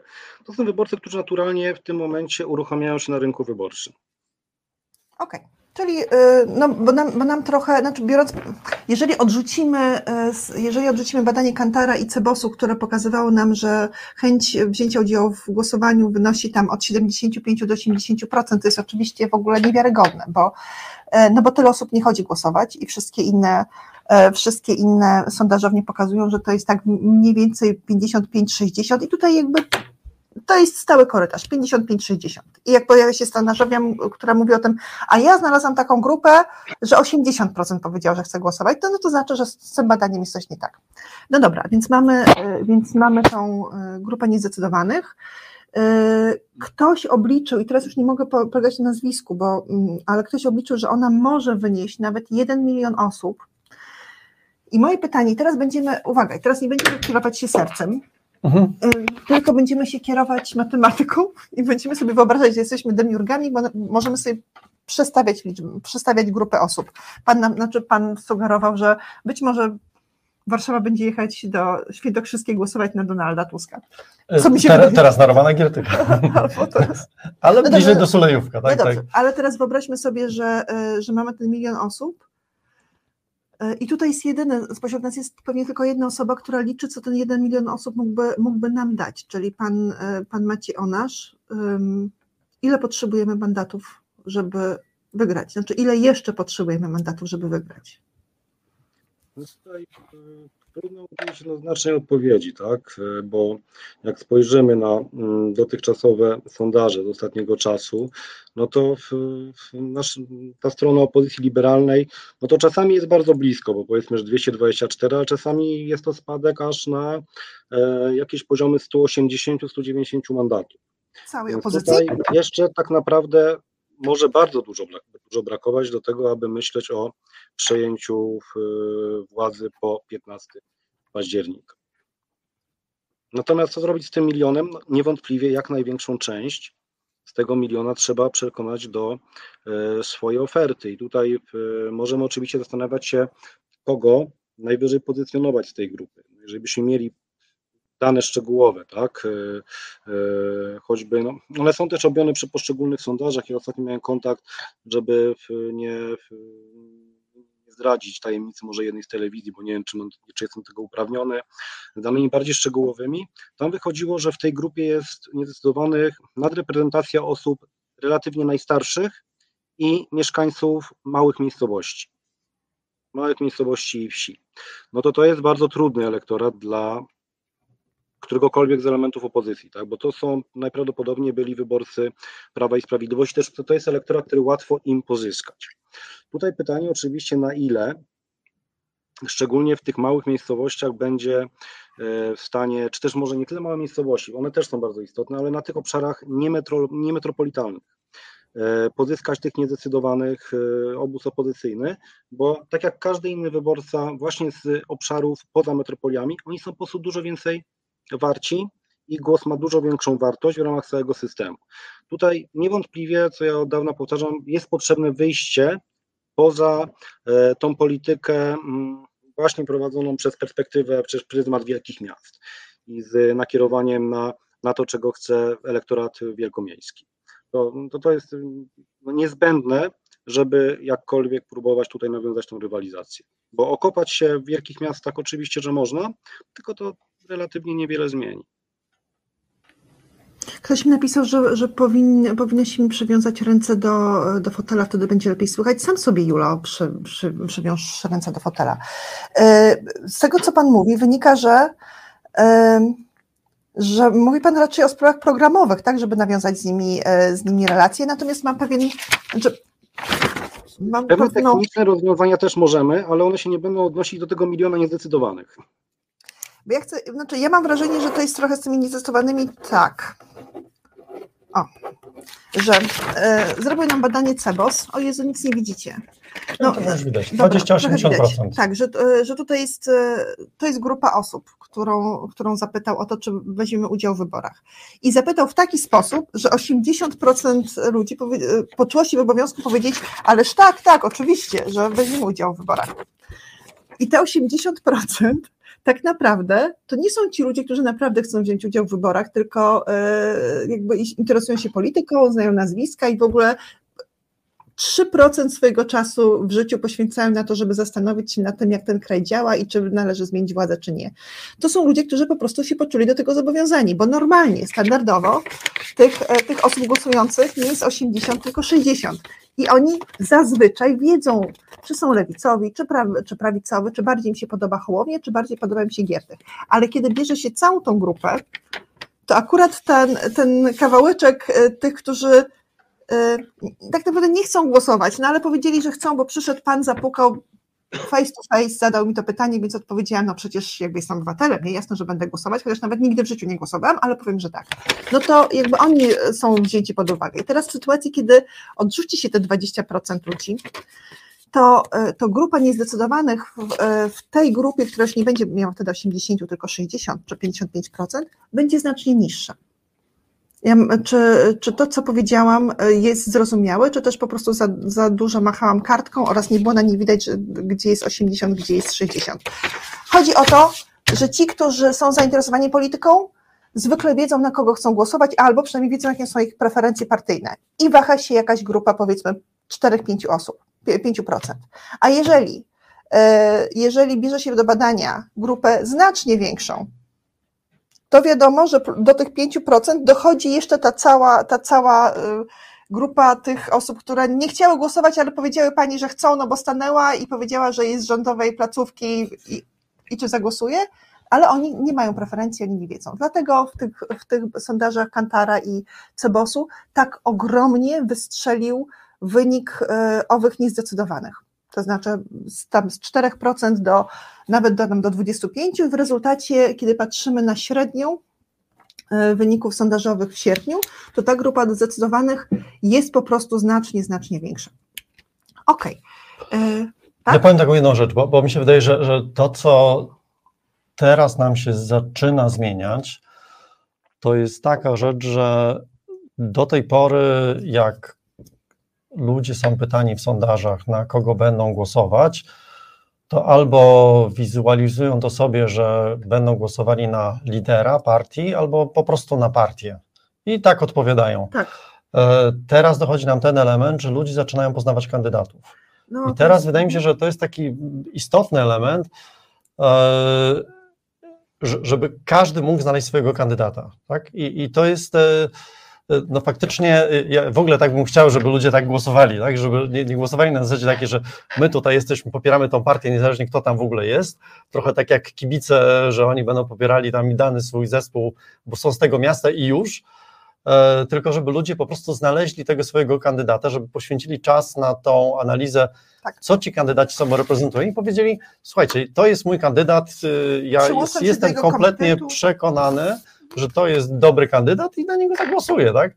Jasne. I, I to jest ten czas y, tego właśnie września naszego, tak? Kiedy liczę na tą właśnie y, zmianę, tak? Że, że i, i jestem o tym głęboko przekonany, że po prostu po tej stronie opozycyjnej y, są lepsi kandydaci, tak? To są ludzie, którzy pokazali więcej, że potrafią coś zrobić, tak? I, i to wydaje mi się jest taki element, którego no, do tej pory w sondażach no myślę, że nie można było wychwycić, tak? bo do tej pory sondaże pewnie wy, wy, mogły wychwycić, czy ktoś popiera tego czy innego lidera. Powiedzmy, jeżeli one, ktoś miał jakiś tam personalny A, wybór. Pan uważa, że teraz, że teraz jakby. Pan Onasz chyba też o tym kiedyś pisał, że. Pisał Pan o tym chyba na Twitterze, o tym, że e, zacznie się inny etap sondaży, kiedy ludzie poznają swoich kandydatów na listach. Dam taki przykład, tak? No, kandydat niezależny Paweł Kasprzak y, miesiąc temu miesiąc temu nie było wiadomo, gdzie on będzie startował, tak? Było, było tak, wyglądało, że będzie startował do, do Senatu, początkowo w Warszawie, potem się okazywało, że będzie startował w, w mińskim e, e, okręgu. E, od, e, nie wiem, trzech tygodni wiadomo, że będzie startował w Warszawie z listy lewicy. E, no i on po prostu ma swoich e, wyborców, tak? I, i, Którzy po... będą na niego głosować niezależnie od tego. Tak, tak, czy na to, i, tak. i, wydaje mi się, że e, chodzi też o to, żebyśmy mieli w tym momencie taki, no, no to żebyśmy znaleźli tych swoich wymarzonych kandydatów, tak? I, I, ludzie młodzi, i ludzie starzy, i ludzie w dużych miastach, w średnich miastach. I ja jestem głęboko przekonany, że to jest możliwe i że ta oferta kandydatów, nawet nie programów, tylko właśnie ludzi, jest na tyle szeroka, że to, to, to będzie dodatkowy element napędzający y, właśnie, może tak, to będzie ważny argument dla ludzi niezdecydowanych, żeby właśnie znaleźć tego swojego wymarzonego kandydata. To prawda. Ja teraz chciałam, e, chciałam przeczytać e, jeden z, jedną, jeden z komentarzy pani Krystyny Zaręby-Niedźwieckiej, trochę wcześniej, kiedy pani Krystyna pisała o tym, że ja tak, ja tak szybko nie czytam.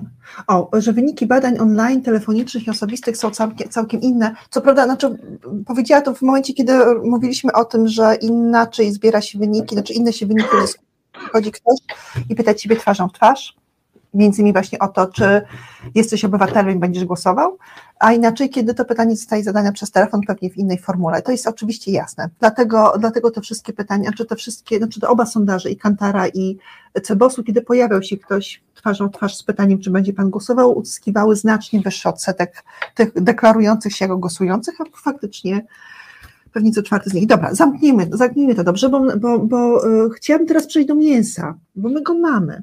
To znaczy, y, cofnijmy się do momentu, kiedy pan doktor Onasz mówi o tym, że, że prognozy dotyczące liczby mandatów, która przypadnie stronie opozycyjnej, składającej się z Ko Koalicji Obywatelskiej, Trzeciej Drogi oraz Lewicy, wynosi według tych, tych różnych wyliczeń, różnych sondaży od 224, czyli 6 pod kreską, do, uwaga, 190, czyli 40 pod kreską. Jesteśmy tutaj po to, żeby, żeby znaleźć rozwiązanie, znaczy rozwiązanie pewnie nie całej kampanii, oprócz tego, żebyśmy nie, nie nawzajem nie okładali się po, po głowach i nie, jakby nie obrzydzali ludziom e, innej listy, innych kandydatów na innych listach, bo oni, to, to, że ich obrzydzimy, to nie znaczy, że przyjdą do nas, tylko znaczy, że nie pójdą głosować. Zostaną niezdecydowani, mogą być niezdecydowani do końca i po prostu nie wezmą udziału w wyborach. W związku z tym, e, jakby nasz człowiek z drużyny, czyli Hołownia, Tygrysek, Donald, Trzaskun, że ktoś z nich nie dostanie swojego, znaczy jakby nie dostaną swojego kandydata, nie dostaną swojego mandatu, bo my nawzajem się nawzajem pobrzydzamy. Niemniej, jesteśmy tutaj dlatego, że parę tygodni temu przeczytałam tekst pana Michała Majewskiego i chciałam, żeby pan go streścił. E, dobrze, to znaczy ja e, e, powiem szczerze, że od mniej więcej roku piszę różne artykuły na Obywatele News dotyczące tematyki wyborczej. Przyznam, że to, co chciałbym zrobić tymi moimi różnymi tekstami, to jest pokazać ludziom, jak ten nasz system wyborczy faktycznie działa.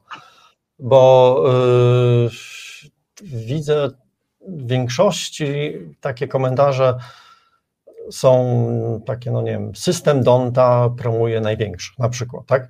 I teraz tak, yy, wydaje mi się, że, że ta wiedza jest nam potrzebna do wyborów, bo to jest, ja traktuję wybory tak jak, nie wiem, no grę planszową, tak? W grę tak. planszową y, wypada najpierw znać zasady, a potem w tą grę planszową można grać. Tak. E, można też na przykład, no, warto też znać wszystkie zasady. No ja to porównuję trochę do takiej sytuacji, jak mamy w szachach, tak? Można Dobrze, grać... ale teraz, nie, znaczy, przepraszam, że może to jakby, bo będą jakieś wątpliwości, które będziemy starali się rozwią rozwiązywać, ale chcę, żeby Pan przeszedł do tego. Dobra, to, to, już mówię. Yy, bo ważnym elementem tej, tej, tej całej, tych zasad gry wyborczych jest to, że nasze cztery, no, kraj mamy podzielony na 41 okręgów wyborczych. One są nierówne co do ilości mieszkańców, co, co, do, co do ilości mandatów. E, I to, czego może, to, to, to co nam umyka, to cały, cały podział y, głosów i przeliczenie głosów na mandaty odbywa się na poziomie okręgów wyborczych. Co to znaczy, że odbywa się na poziomie okręgów wyborczych? Y, ja to sobie też w tym jednym z artykułów tak obrazowo pokazałem, że y, wybory to nie jest jeden finał Wielkiej Orkiestry Świątecznej Pomocy, która odbywa się w niedzielę i liczy się suma pieniędzy, jaką zgromadzimy, tylko to jest tak naprawdę, jakbyśmy mieli 41 niezależnych finałów Wielkiej Orkiestry Świątecznej Pomocy, i kto ile zbierze pieniędzy w tych 41 finałach, tyle będzie miał mandatów. Tak, czyli mamy 41 głosowań w 41 są, okręgach. Tak, właściwie. Mamy, tak, nie, nie, mamy jedne ogólnopolskie wybory, tylko mamy ich 41. I tak naprawdę elementem wspólnym jest to, że trzeba przekroczyć 5% próg wyborczy i 8% próg wyborczy dla koalicji, ale w momencie, kiedy to jest spełnione, cała reszta e, przeliczania głosów na mandaty odbywa się po prostu w okręgach wyborczych. E, I z tego bierze się e, takie, takie no, dwa elementy. Jeden element jest taki, że w różnych okręgach mamy różną siłę głosu naszego wyborczego, ale też jest ważne to, że przez to, że mamy różne liczby mandatów, im, de facto im mniej mandatów mamy w okręgu wyborczym, a mamy takie okręgi w, w Polsce, które są no jeden mamy okręg, który ma tylko siedmiu posłów, wybiera osiem, ośmiu, dziewięciu. W tych najmniejszych okręgach wybieramy w sumie 120 posłów, to jest 7, 8, 9 mandatów. Tak. I to, co też może nie jest do końca zrozumiałe, i to, to wydaje mi się, że też warto podkreślać, że w tych y, okręgach y, de facto próg wyborczy dla danego okręgu jest, y, jest wyższy niż te nasze 5%, czasami jest też wyższy niż, niż 8%.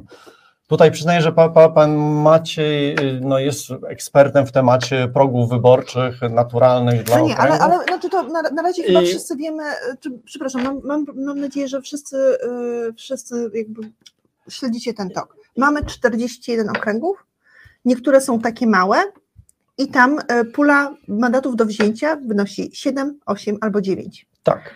I teraz. E, I nie, nie, może być więcej. To nie jest tak, że ktoś się może postarać i dostać jakby więcej, bo to jest pula dla wszystkich, dla PiSu, dla, e, dla KO i dla Konfederacji i dla Trzeciej Drogi oraz wszystkich innych zarejestrowanych komitetów. Mhm. Więc nie, może, może tak się zdarzyć, że właśnie w jednym z takich okręgów no właśnie. Tak, znaczy może się tak zdarzyć i na przykład no, to tak się zdarzało, w, patrząc na wyniki e, z 2019 roku, że dana partia nie zdobędzie głosów potrzebnych do uzyskania pierwszego mandatu. Tak. Albo jak zdobędzie ten, ten e, e, albo jak zdobędzie pierwszy mandat, to, to, to jej poparcie tak nam zawiśnie między pierwszym a drugim. I de facto z punktu widzenia systemu wyborczego te, te głosy są po prostu zmarnowane. Tak? To znaczy, jeżeli mamy taką sytuację, że partia nie zdobędzie głosów wystarczających na pierwszy mandat, to te głosy nie mają wpływu na przydział mandatów. Tak. E, I to jest, e, no, to jest problem właśnie na przykład dla lewicy e, w okręgach, gdzie mamy z jednej strony konserwatywnych wyborców, z drugiej strony mamy mało mandatów. Na przykład Mamy takie okręgi e, w Małopolsce. Małopolska to jest, są cztery okręgi wyborcze, mamy duży Kraków, gdzie mamy 14 e, mandatów do rozdania, a potem mamy trzy okręgi, które są ośmiomandatowe, dziewięciomandatowe tak, i dziesięciomandatowe. Sprowadza się to do tego, że jeżeli mamy mały okręg, a jest ich bardzo dużo, w którym jest tylko kilka mandatów, to żadna z naszych partii, tych mniejszych, czyli trzeciej drogi i lewicy, może nie dostać tam żadnego mandatu. Lewica nie dostaje mandatu w połowie okręgów. Wiedzieliście o tym. To znaczy, może tak, y, trzymając się, najprościej trzymać się y, tych wyników, które mieliśmy poprzednim razem, tak? Czyli przy poparciu lewicy około 12,5% w skali kraju, w dalszym ciągu lewica nie uzyskała mandatów w sześciu okręgach wyborczych. Czyli no, możemy trochę tak ekstrapolować, że, że znaczy, wydaje mi się, że lewica jest w stanie zrobić dobrą, dobrą kampanię i się z tego obecnego po, poziomu takiego pod 10% może tam się wybić na te ale, między 10 a 12, ale, tak? Ale to znaczy, ale to... Że, lewica, że Lewica na przykład w tym okręgu zrobiła gorszą kampanię i miała mniejsze poparcie niż średnia, średnia to znaczy tak, to, to trochę tak znaczy, znaczy trochę znaczy, że oni nie mieli tam poparcia typu 12%, tak. no bo powiem tak, no, no specyfiką lewicy jest to, że ona ma większe poparcie w dużych miastach i, i mniejsze poparcie w tych okręgach, gdzie nie ma albo w ogóle dużego miasta, albo jest no, miasto średniej wielkości, ale z drugiej strony Rozumiem. jest Czyli konserwatywny. Starała się, jak, jak, no, starała się, starała i miała dokładnie takie poparcie jak cała średnia Polska, czyli 10%, ale do, do rozdania było 7, 8 albo 9 mandatów. I teraz chciałam poprosić, żeby pan doktor Maciej Onasz powiedział nam, co się dzieje, kiedy w okręgu, który ma do rozdania mniej niż 10 mandatów, pojawia się partia albo dwie partie, z których każda ma mniej niż 10% poparcie. Tutaj to, o czym mówił Pan Michał, mamy pełną wiedzę o tym, że tutaj jedną rzecz podkreślę, mandaty są dzielone względem poparcia w danym okręgu, nie względem poparcia ogólnopolskiego. Ja nie wiem, czy teraz widać małą tabelkę, którą uruchomiłem. Zaraz, zaraz, przy, zaraz to, o właśnie. I tutaj widzimy, tutaj dla Państwa są dwie wartości, mam nadzieję, że już widoczne, względem liczby mandatów w okręgu. Zakładamy, bo przy jednej, tutaj jednym z parametrów jest to niezbędne, że no mamy pięć list rywalizujących o mandaty. Tych pięć list faktycznie liczących się, to odpowiada mniej więcej stanowi faktycznemu tego, co się będzie działo u nas w Polsce. No i wiem, widzimy, kiedy mamy pewny mandat, czyli to jest sytuacja po przekroczeniu takiego poparcia w okręgu dane ugrupowanie na pewno ten mandat zdobędzie. Co by się nie działo, jaki by rozkład głosów nie był. A dolna liczba to jest, jakie poparcie potrzebujemy, żeby mieć przynajmniej wyższą od zera minimalnie szansę na mandat. To oczywiście musimy odnosić do poparcia między tymi pięcioma liczącymi się ugrupowaniami. No, musielibyśmy odjąć z mianownika to, co tak zwany plankton polityczny zabierze. No to bardzo Panie trudno przed głosowaniem oszacować, ale jakie ale muszę, głosy będą. Muszę przerwać, dlatego że my przede wszystkim jesteśmy radiem e, i część osób nie ogląda tej tabelki, tylko jej słucha. Mógłby Pan o niej opowiedzieć w taki sposób, żeby oni usłyszeli, o co... No, w okręgu siedmiomandatowym, który odpowiada najmniejszym okręgom w Polsce, żeby mieć jakiekolwiek szanse na mandat, trzeba przekroczyć 9,09% poparcia w tym okręgu. żeby mieć pewny mandat, to już potrzeba 12,5%. Tak. W okręgu 10-mandatowym, dajmy na to, odpowiednio jest to 7,14 oraz 9,09, więc widzimy, to co dopiero daje jakąkolwiek szansę w okręgu 7-mandatowym, przy pięciu listach podkreślam, bo to jest tutaj istotne, w okręgu 10-mandatowym już daje pewny mandat. Więc tu jest ten problem, że ugrupowania relatywnie słabe w okręgach bardzo często mogą się odbijać od tego pierwszego mandatu. Akurat y, obecnie w przypadku lewicy, ja to sprawdzałem na bazie najnowszego sondażu IBRIS, to dotyczy bodajże 10 okręgów, w których jest możliwe takie odbicie. No, poprzedni, znaczy przed miesiąca IBRIS y, ograniczał tą liczbę do pięciu, ale fakt faktem i na tym się skupiał pan Michał, z tego co wiem, są okręgi, w których lewicy strasznie trudno będzie uzyskać mandat. I to nie wynika z tego, że oni robią złą kampanię. To nie wynika z tego, że są tam są to okręgi o małej liczbie mandatów, tak naprawdę to jest tylko jeden z elementów. To w ogromnej większości wynika z tego, że są takie miejsca w kraju, gdzie no wedle starego przysłowia z lat 90. w trakcie rekrutacji do administracji publicznej kandydat dostawał do zjedzenia truskawki, aby dostać wysypki i udowodnić, że jest uczulony na wszystko, co czerwone. Są po prostu miejsca w kraju, w których lewica wyborczo nie ma za bardzo czego szukać. Jest w tych, na tych obszarach po prostu nielubiana. I tu mamy na przykład okolice Nowosądeczyzny. Jest to ultrakonserwatywny, ultrakatolicki region, też y, związany bardzo mocno z tym, z tym jeszcze ruchem, czy też y, bardziej etosem antyperelowskim, tak zwanym antykomunistycznym. Pozostały, y, jeden z okręgów małopolskich bardzo podobnie, tutaj mamy myśli okręg 15, okręg 12 już trochę lepiej, bo tam są takie obszary, gdzie lewica coś w razie czego może kombinować. No ale właśnie tutaj, no ta większość Małopolski, czy część Podkarpacia, to są po prostu strukturalnie dla lewicy strasznie trudne miejsca. I tutaj faktycznie, no w tych okręgach, no w, w okręgach małopolskich poza Krakowem szanse na mandat są nikłe. I to zarówno w okręgu tarnowskim, tarnowskim w okręgu e, chsanowskim, jak i to w szczególności w okręgu nowosądeckim. Tak, Czy ja mogę, e, e, ponieważ ja wszystko staram się e, mówić w taki sposób, no to wszystko staram się upraszczać, ale bez, no, no dobra, staram się upraszczać, więc spróbuję wyjaśnić, a jeżeli my, my, pomylę się, to proszę powiedzieć, że nie, jakby to wyjaśnienie jest nie, niedobre. Chodzi o to, że jeżeli okręg jest mały i ma 7 mandatów, to żeby komitet zdobył tam na pewno chociaż jeden mandat, to musi dostać więcej niż jedną siódmą głosów, które padły w tym. E, w tym nie, nie, to nie jest to. No bo właśnie, właśnie to sobie obliczyłam. W mandatach więcej niż jedną ósmą. A, czyli odrobinę mniej niż jedną siódmą. Tak, tak, tak? To, jest, to, to zawsze jest trochę mniej niż to, takie okay, dzielenie dobrze, No dobrze, no ale w sytuacji, kiedy, e, kiedy lewica której poparcie wynosi tam w tej chwili 9%, czyli uzyskuje nawet nie jedną dziesiątą, tylko jedną jedenastą, to nie ma szans w takich, e, w takich mm, mm, znaczy oczywiście uzyskuje w ogólnopolskim zakresie, zakładając, że, że ten ogólnopolski się tak jakby dzieli na te mniejsze, to nie ma szans na to, żeby zdobyć mandat, bo mniej niż, dużo mniej niż ta jedna jedenasta, tak? No jeżeli około dyszki będzie miała w wyborach na poziomie ogólnopolskim, no wiemy, że w tych okręgach poparcie dla Lewicy będzie mniejsze i to nawet jakby super kampanię zrobili, no po prostu będzie niższe niż kraju, bo taka jest struktura tam elektoratu, no to tam szans na mandat praktycznie nie ma. No i teraz, e, żebyśmy jak gdyby nie grzebali tam kompletnie lewicy e, w tych okręgach, e, to to, co ja zaproponowałem, to są dwie takie możliwości. To znaczy.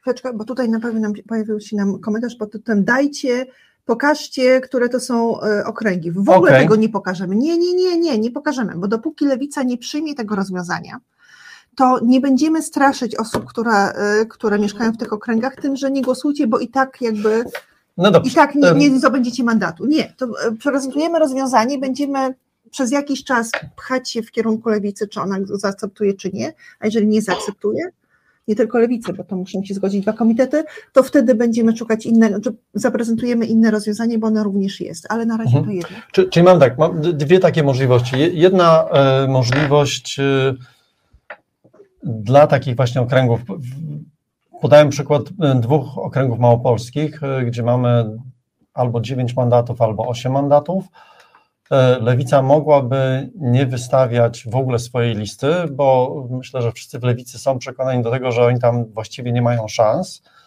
E, natomiast w obydwu tych okręgach sumarycznie lewica zbiera około 15 tysięcy głosów, między pewnie 15 a 20 tysięcy głosów. E, ona może tam zebrać, to będzie zbyt mało, żeby lista przekroczyła ten próg wyborczy. Natomiast jeżeli by lewica zrobiła no takie punktowy układ dotyczący tych dwóch okręgów e, z koalicją obywatelską. O, bo, bo tutaj powinny być jakieś werble. Czyli e. mamy taką sytuację, że mamy okręg, wiemy, że tam są wyborcy lewicowi, że oni będą głosować na lewicową listę, ale wiemy też, że historycznie rzecz biorąc, e, poparcie lewicy w tym, w tym okręgu jest tak niskie, że w ogóle no way, już wiadomo, że tego mandatu nie będzie. Czyli, no i wtedy co robimy? Czy no właśnie, i teraz tak, znaczy, no, no jedna jest taka możliwość, że jeżeli by e, komitet wyborczy lewicy zdecydował się, że nie wystawia tam w ogóle swojej listy i dogadał się również z komitetem e, Koalicji Obywatelskiej, że albo ich jedynka dotychczasowa, albo jakiś wymarzony ich kandydat ma miejsce, nie wiem, numer 11 na liście Koalicji Obywatelskiej, no to wtedy możemy liczyć, że te 15 tysięcy ludzi, którzy no tam są i zawsze głosowali na, na lewicę, e, że te osoby zagłosowałyby na tego jednego kandydata na liście Koalicji Obywatelskiej. I teraz Zrozumieliście, tak? Czy są jakieś pytania co do tego, co do tego rozwiązania? Wy, wyborczy efekt takiego porozumienia byłby taki, że e, Koalicja Obywatelska dzięki dodatkowym 15 tysiącom głosów zdobyłaby jeden dodatkowy mandat, e, a teraz jeszcze jest tak, że no, w momencie, kiedy zdobywamy mandaty, to one są przydzielane według tego, kto ile zdobył głosów. I te 15 tysięcy głosów plasowałoby się wśród kandydatów listy około drugiego, trzeciego miejsca i to by było e, no, więcej niż inni kandydaci Koalicji Obywatelskiej. Tak? Czyli mielibyśmy taką sytuację, że taki kandydat lewicy prawie na pewno zdobyłby mandat e, poselski, tak? No to teraz. I wtedy teraz... on oczywiście, no, y, też częścią tego dealu byłoby to, że on by potem no, nie, nie wstępowałby do klubu parlamentarnego Koalicji Obywatelskiej, tylko wstąpiłby do klubu Lewicy. Czyli słuchajcie, to, co, to od czego zaczęliśmy, czyli doktor Onasz nam wytłumaczył, dlaczego tak jest, że jeżeli e, poparcie komitetu na przykład wynosi 10%, a w okręgu jest 7, 8 albo 9 mandatów do wzięcia, to to 10 nie wystarczy, żeby wziąć pierwszy mandat. No, czyli jak to się staje, że 15 tysięcy osób głosując na listę lewicową nie potrafi z tej listy lewicowej wziąć, znaczy dostać mandatu, a te same 15 tysięcy osób, które zagłosuje na tą na kandydatkę lewicową umieszczoną na innej, większej liście, czyli liście, w tej chwili wyłącznie większą listą jest lista, lista KO, e, te 15 tysięcy osób może dać tej kandydatce mandat. Dlaczego tak się, na czym, na czym polega ten deal, że tak się dzieje? Czy mogę prosić o odpowiedź doktora Anasza? Znaczy tutaj jedno małe sprostowanie, akurat przy poparciu 9% w 10-mandatowym okręgu już ten mandat będzie, żebyśmy też za wysoko tych progów naturalnych nie stawiali. Tutaj pamiętajmy no, o ja tym, myślałam, że myślałam mamy stosowaną metodę Donta w Polsce. Ona ma taką fajną cechę jak superaddytywność. To też wynika z tego, że koszt każdego kolejnego mandatu w Polsce w okręgu, czy to jest mandat numer jeden dla danej partii, czy mandat numer dwa, numer trzy i tak dalej, koszt tego mandatu jest w ramach okręgu stały. To nie jest tak jak na przykład przy metodzie Sonegi, że każdy kolejny mandat jest droższy dla danego ugrupowania. Więc tutaj, jeżeli mamy dwie listy, i przełożymy głosy z jednej listy do drugiej, to jest najważniejsze tutaj, że mamy sumę, sumę głosów, nie tracimy ani jednego głosu po drodze, to liczba mandatów uzyskanych przez tą nową listę będzie nie mniejsza niż przez te dwie listy oddzielnie. Czyli można na tym tylko zyskać albo zostać na dotychczasowym poziomie. Ale tutaj podstawowym problemem, o którym się często zapomina, to też było przy e, problemie wspólnej listy w skali kraju, było właśnie to, żeby nie tracić nigdy tych głosów na, mm, no, że że nie można stracić głosów, aby to się na pewno zrealizowało. Bo tutaj no to, co pokazał Pan Michał, to jest bardzo fajny pomysł. Mi on też się osobiście podoba, tylko tu niestety, będąc naukowcem, muszę przedstawić kilka rzeczy, no chyba od najmniejszej do największej, czyli od tych, które będą nas zniechęcać, do tych, które niestety ostatecznie ten plan będą musiały przekreślić. Mimo, że no, mi też się to podoba, to może byłoby żeby, fajne do zrobienia. wrzucił go nie Francuz na, e, na, na nasz wall. Tak, o to chodzi. Może- Może Pani powtórzyć? Nie, poprosiłam realizatora, żeby wrzucił jeden z komentarzy i proszę, żeby pan kontynuował. Przepraszam, że musiałam panu przerwać. Bo Tak, Podstawowy o... problem, który tutaj nam, jak zacznę może od poziomu, po- poziomu okręgowego, a potem wejdę na poziom ogólnopolskich relacji między ugrupowaniami. Pierwsza rzecz to jest niestety to, że po raz kolejny próbujemy brać wyborców za fraki i ich przenosić z komitetu do komitetu. To tak nie działa. Nie mamy żadnego powodu, żeby zakładać, że wszyscy, czy też prawie wszyscy wyborcy lewicy odliczą się przy urnach głosując na kandydata na liście Koalicji Obywatelskiej. To jest Uwaga. pewien, pewien mit, że tak, to, tak się dzieje. Tak po prostu to się nie dzieje. Uwaga. Dobra. A nie, to myślę, Możemy że, że oczywiście ich namawiać, tylko tutaj To trochę prawda. pozostaje pytanie, kto ma ich namawiać. I tu jest bardzo duży problem, bo Lewica. nie może na przykład wyjść, dajmy na to Włodzimierz Czarzasty, czy Robert Biedroń na wiecu wyborczym Nowej Lewicy, dajmy na to w okręgu właśnie jednym z tych, gdzie chcemy przesuwać kandydatów i powiedzieć, drodzy wyborcy Lewicy, zagłosujcie na naszego kandydata na liście Koalicji Obywatelskiej. Znaczy Może. może. Tylko wtedy jest pytania, pytania są dwa. Czy Lewica straci za to subwencję przez najbliższe 4 lata, bo właśnie złamała prawo? Oraz czy Koalicja Obywatelska w razie czego też straci subwencję przez najbliższe 4 lata, bo właśnie bierze udział, trochę niechcący, w złamaniu prawa. Komitet wyborczy nie może prowadzić kampanii na rzecz innego komitetu, ani takiej kampanii finansować. Komitet wyborczy nie może przyjmować ani pieniężnych, ani niepieniężnych korzyści ze strony innego komitetu. Ale Jest to wprost zabronione przez kodeks wyborczy. Więc tutaj widzimy, że byłyby kolejne problemy. Nawet w takiej kampanii, powiedzmy, że kandydat y, lewicy na listach platformy nie mógłby skorzystać z biura własnej formacji w swoim okręgu. Jeżeli by tam choćby wydrukował kartkę papieru, mogłoby to się skończyć bardzo poważnymi konsekwencjami finansowymi. No tu niestety no, mamy pewien system prawny, w którym funkcjonujemy i musimy o nim pamiętać. Dalej mamy problem z dotarciem do wyborców. Bo trzeba dotrzeć do wyborców z informacją, że to jest kandydat, który tak naprawdę jest kandydatem lewicy na listach Koalicji Obywatelskiej. To jest bardzo trudne, bo to pamiętajmy o tym, że nie wszyscy są zainteresowani tak e, wyborami jak dziennikarze, politolodzy i komentatorzy. Do dużej części tych wyborców wręcz no, trochę nie sposób trafić. To oni o tym, co się dzieje, dowiadują się mniej więcej odbierając e, kartę już nad samą urną wyborczą. E, Walka na liście i brak zaufania. Biorąc pod uwagę model rywalizacji w Polsce, też y, jakby konstrukcję list, trzeba pamiętać o takim dosyć ważnym prawidle.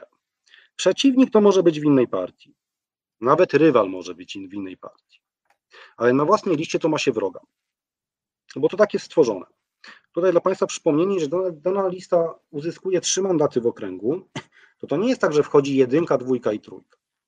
Wchodzi tych troje kandydatów, którzy otrzymali bezpośrednio najwięcej wskazań. Więc tutaj, jeżeli nawet pojawiłby się kolejny mandat, to nie jest pewne. To od razu mówię, że wcale nie muszą tak gremialnie przejść wyborcy, no to zaostrza nam się rywalizacja na liście. Nie ma gwarancji, że ten mandat trafi w, e, do kandydata lewicowego. Jest szansa. Tylko, że musimy też pomyśleć, ile tych wyborców jest. W chwili obecnej te dwa okręgi, o których pan Michał pisał, to jest odpowiednio w okolicy 23 500 i około 19 tysięcy wyborców lewicowych. Dopiero jeżeli założymy, że na pewno przechodzi chociaż połowa tych, bo to jest na bazie ostatniego ibrisu. Mhm. Jeżeli nie przejdzie przynajmniej połowa tych wyborców grzecznie i nie zagłosuje na kandydata na innej liście, to w ogóle nie ma o czym rozmawiać. Uzyskanie 15 tysięcy, które może dać w miarę pewny mandat, byłoby już strasznie trudne, szczególnie w okręgu 15. Tutaj po raz kolejny. nie możemy traktować wyborców jako coś, co się przynosi jak worek kartofli. Dalej, co zrobić z tymi wyborcami, którzy nie będą chcieli zagłosować na listę Koalicji Obywatelskiej, mimo tego, że nie będzie listy lewicy? To też jest duży problem, bo nie wszyscy będą chcieli. Mimo nawet, że będą namawiani, no to już nawet nie chcę wracać do tego, że po niedzielnym wystawieniu Giertycha będzie to jeszcze trudniejsze, bo dla, dla części z nich ten sygnał mógł być nie do przyjęcia, ale też po prostu może kandydaci, czy sama koalicja obywatelska może być nie do przyjęcia, bo to jest elektorat dawny eseldowski, który nie chce z nikim rozmawiać, albo ten młody elektorat wiosny, dla którego też koalicja obywatelska jest zbyt konserwatywna. A pamiętajmy, wbrew temu, co by, byśmy może chcieli, głosowanie na osoby na liście to jest trochę taki jednak mit. Głosuje się w ogromnej większości na listę i dopiero z listy wybierając kandydata, to jest rozgrywanie głosów wewnątrz listy. I to tak niestety funkcjonuje na całym świecie, zresztą tak naprawdę niezależnie od tego, czy są systemy wielomandatowe, czy też jednomandatowe. Więc tutaj widzimy, że są pewne, pewne zagrożenia. Też, no, I teraz chciałbym przejść do, do tych poziomu już krajowego. Jeszcze jedna rzecz, lokalność. O tym się czasami zapomina. Wyborcy lubią mieć kandydata, szczególnie właśnie w tych okręgach złożonych z kilku powiatów. My tego nie widzimy za często, jeżeli patrzymy z perspektywy wielkiego miasta. Oni lubią, jak jest kandydat, niezależnie kto to będzie, ale ma być kandydat któryś z ich powiatów. Sytuacji, w której to też widzimy po wynikach lewicy z 2019 roku, tam nie było tak, że jedynka zawsze miała ten sam udział. Między okręgami miał tam różne różne możliwości. Też te okręgi mają swoją specyfikę, tak? No choćby okręg Kększanowski, gdzie mamy dwa powiaty, w których lewica sobie jeszcze no, radzi kiepsko, ale bez tragedii, tak gdzie są jeszcze jakieś miasta, reszta to już są okręgi, znaczy przynajmniej gminy wiejskie, już ja stricte wiejskie, bo i tam to nie ma czego szukać. Panie, panie doktorze. Tutaj, tu będzie problem, żeby znaleźć kandydata, na którego ci ludzie będą chcieli zagłosować z różnych miejsc. Tak, Więc to jest kolejna tak, potencjalna strefa głosu. To nie jest łatwe. No Ale to teraz, łatwe. jeśli mógłbym, najważniejsze, czyli to, co jakby neguje możliwość przeprowadzenia tego, skądinąd uważam, że fajnego projektu. I to wchodzimy już na poziom krajowy. Po pierwsze, lewica jest na razie w bezpiecznej sytuacji, ale nie może sobie pozwolić na oddanie nawet dwóch okręgów bez, bez wystawienia listy, bo wtedy stawia się w, na pozycji, gdzie uruchomienie Rafała Trzaskowskiego przez Donalda Tuska może stanowić zagrożenie, czy też będzie większym zagrożeniem dla bytu parlamentarnego lewicy. Pamiętamy, że mówimy o formacji, która ciągle ma traumę roku 2015 i nie wejścia do Sejmu przed 75 tysięcy głosów. Bezpieczna w to, jakim sensie? Co to znaczy bezpieczna, że lewica jest w tej, w tej chwili Na razie jest bezpieczna, jeżeli chodzi o próg wyborczy. W razie wejścia do gry na ostro w ostatnim tygodniu kampanii Rafała Trzaskowskiego, czy 14 dni przed końcem kampanii, to już nie będzie takie pewne. Więc tutaj nie ma w polityce takiego poziomu zaufania, że Czarzasty z Biedronie musieliby słusznie stwierdzili, ok, my, my wchodzimy na waszą listę, ale wy na pewno nie, nie zrobicie nam numeru z Trzaskowskim. No, czegoś takiego po prostu w polityce nie ma, to, to, to nie istnieje. Nie Czyli kanibali, że Trzaskowski nie będzie starał się skanibalizować? Tak? To bardziej, tak, tak. Ciągle istnieje ryzyko wystawienia bardzo mocnego, jako bardzo mocnej postaci, zagrania po prostu kartą Trzaskowski.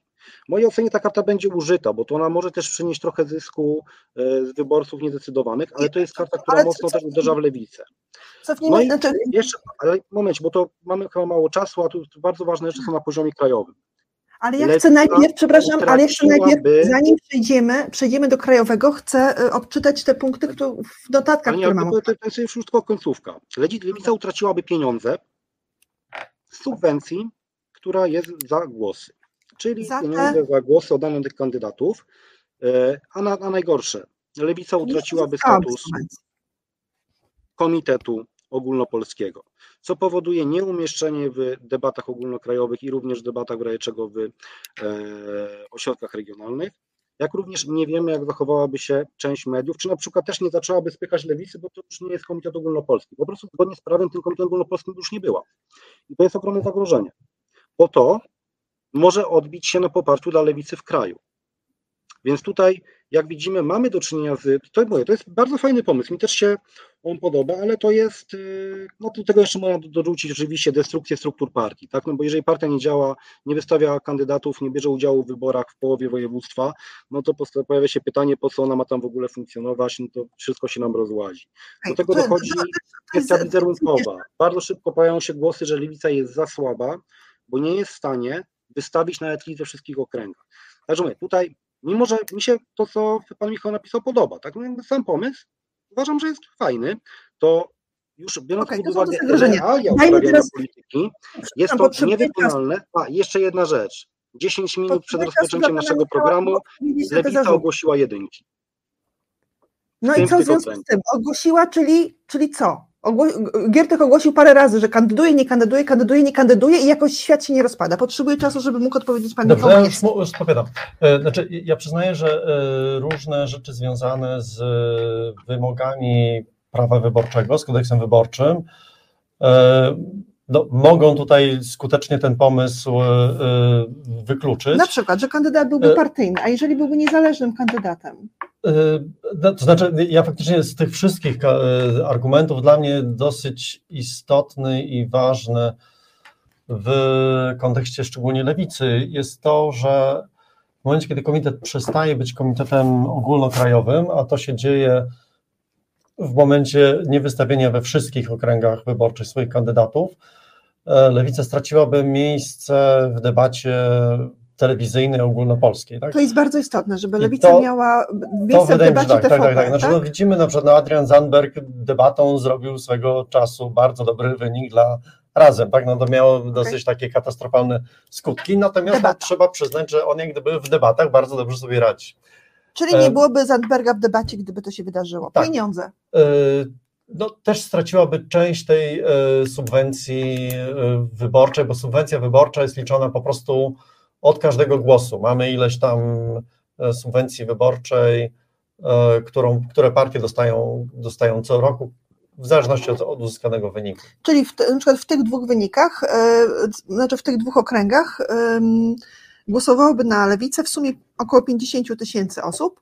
Ile wynosi subwencja za 50 tysięcy osób? Ta, jakby ta z tego trzeciego czy czwartego progu. Ile to jest? No, no właśnie, 4 grosze? Wiem, że to się tak. Czy 40 groszy za osobę? No bardziej 40 z tego co. Wiem, że okay. to też było jakoś rewaloryzowane. No to było, bo jakaś tam kwota to w skali całego kraju. 50 tysięcy. To by było między 0, znaczy 0,2%, o tak, to, to, to mniej więcej... 0,2% tak, całej subwencji. E, wszystkich głosów, które, które lewica mogłaby uzyskać. Tak, tak, Czyli to... straciłaby nie, no, nie, dwie dziesiąte procenta? Tak, tak, nie, niewiele by Czyli niewiele straciłaby by jakąś taką malutką, malutką grupę. Po, Natomiast okay. jeszcze tak, bo, bo, bo to, to, ja myślę, że tak, bardziej realne scenariusze będą takie, że mamy E, wszystkie, wszystkie komitety wystawiające kandydatów we wszystkich e, okręgach wyborczych.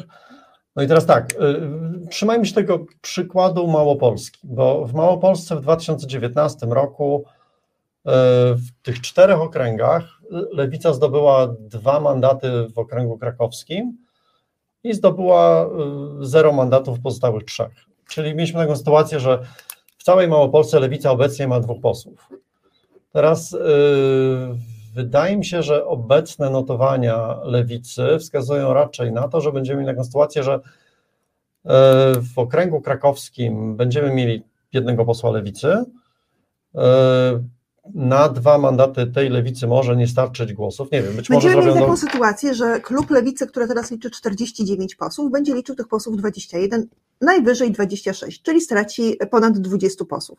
Próba, e, znaczy próbujemy znaleźć takie rozwiązania, które, e, które przy całej jakby przy zrozumieniu wszystkich tych negatywnych rzeczy, pod tytułem Zandberg nie będzie, przepraszam, bo to zabrzmiało jakbym z Pana drwiła, ale że na przykład nie będzie, e, nie będzie przedstawiciela lewicy w debacie w TVP, że, że lewica straci subwencję wynoszącą, jak rozumiem, około Ile? 0,2%? No, no, jakąś 0,2% tak, 0,2% z całej Pani redaktor, bo po raz kolejny są pobierane mity. Pani redaktor, tutaj mówimy o stracie rzędu 230 około tysięcy złotych. No dobrze, ale znaczy, ja, ja myślę, że... Wobec, ale... ma znaczenie.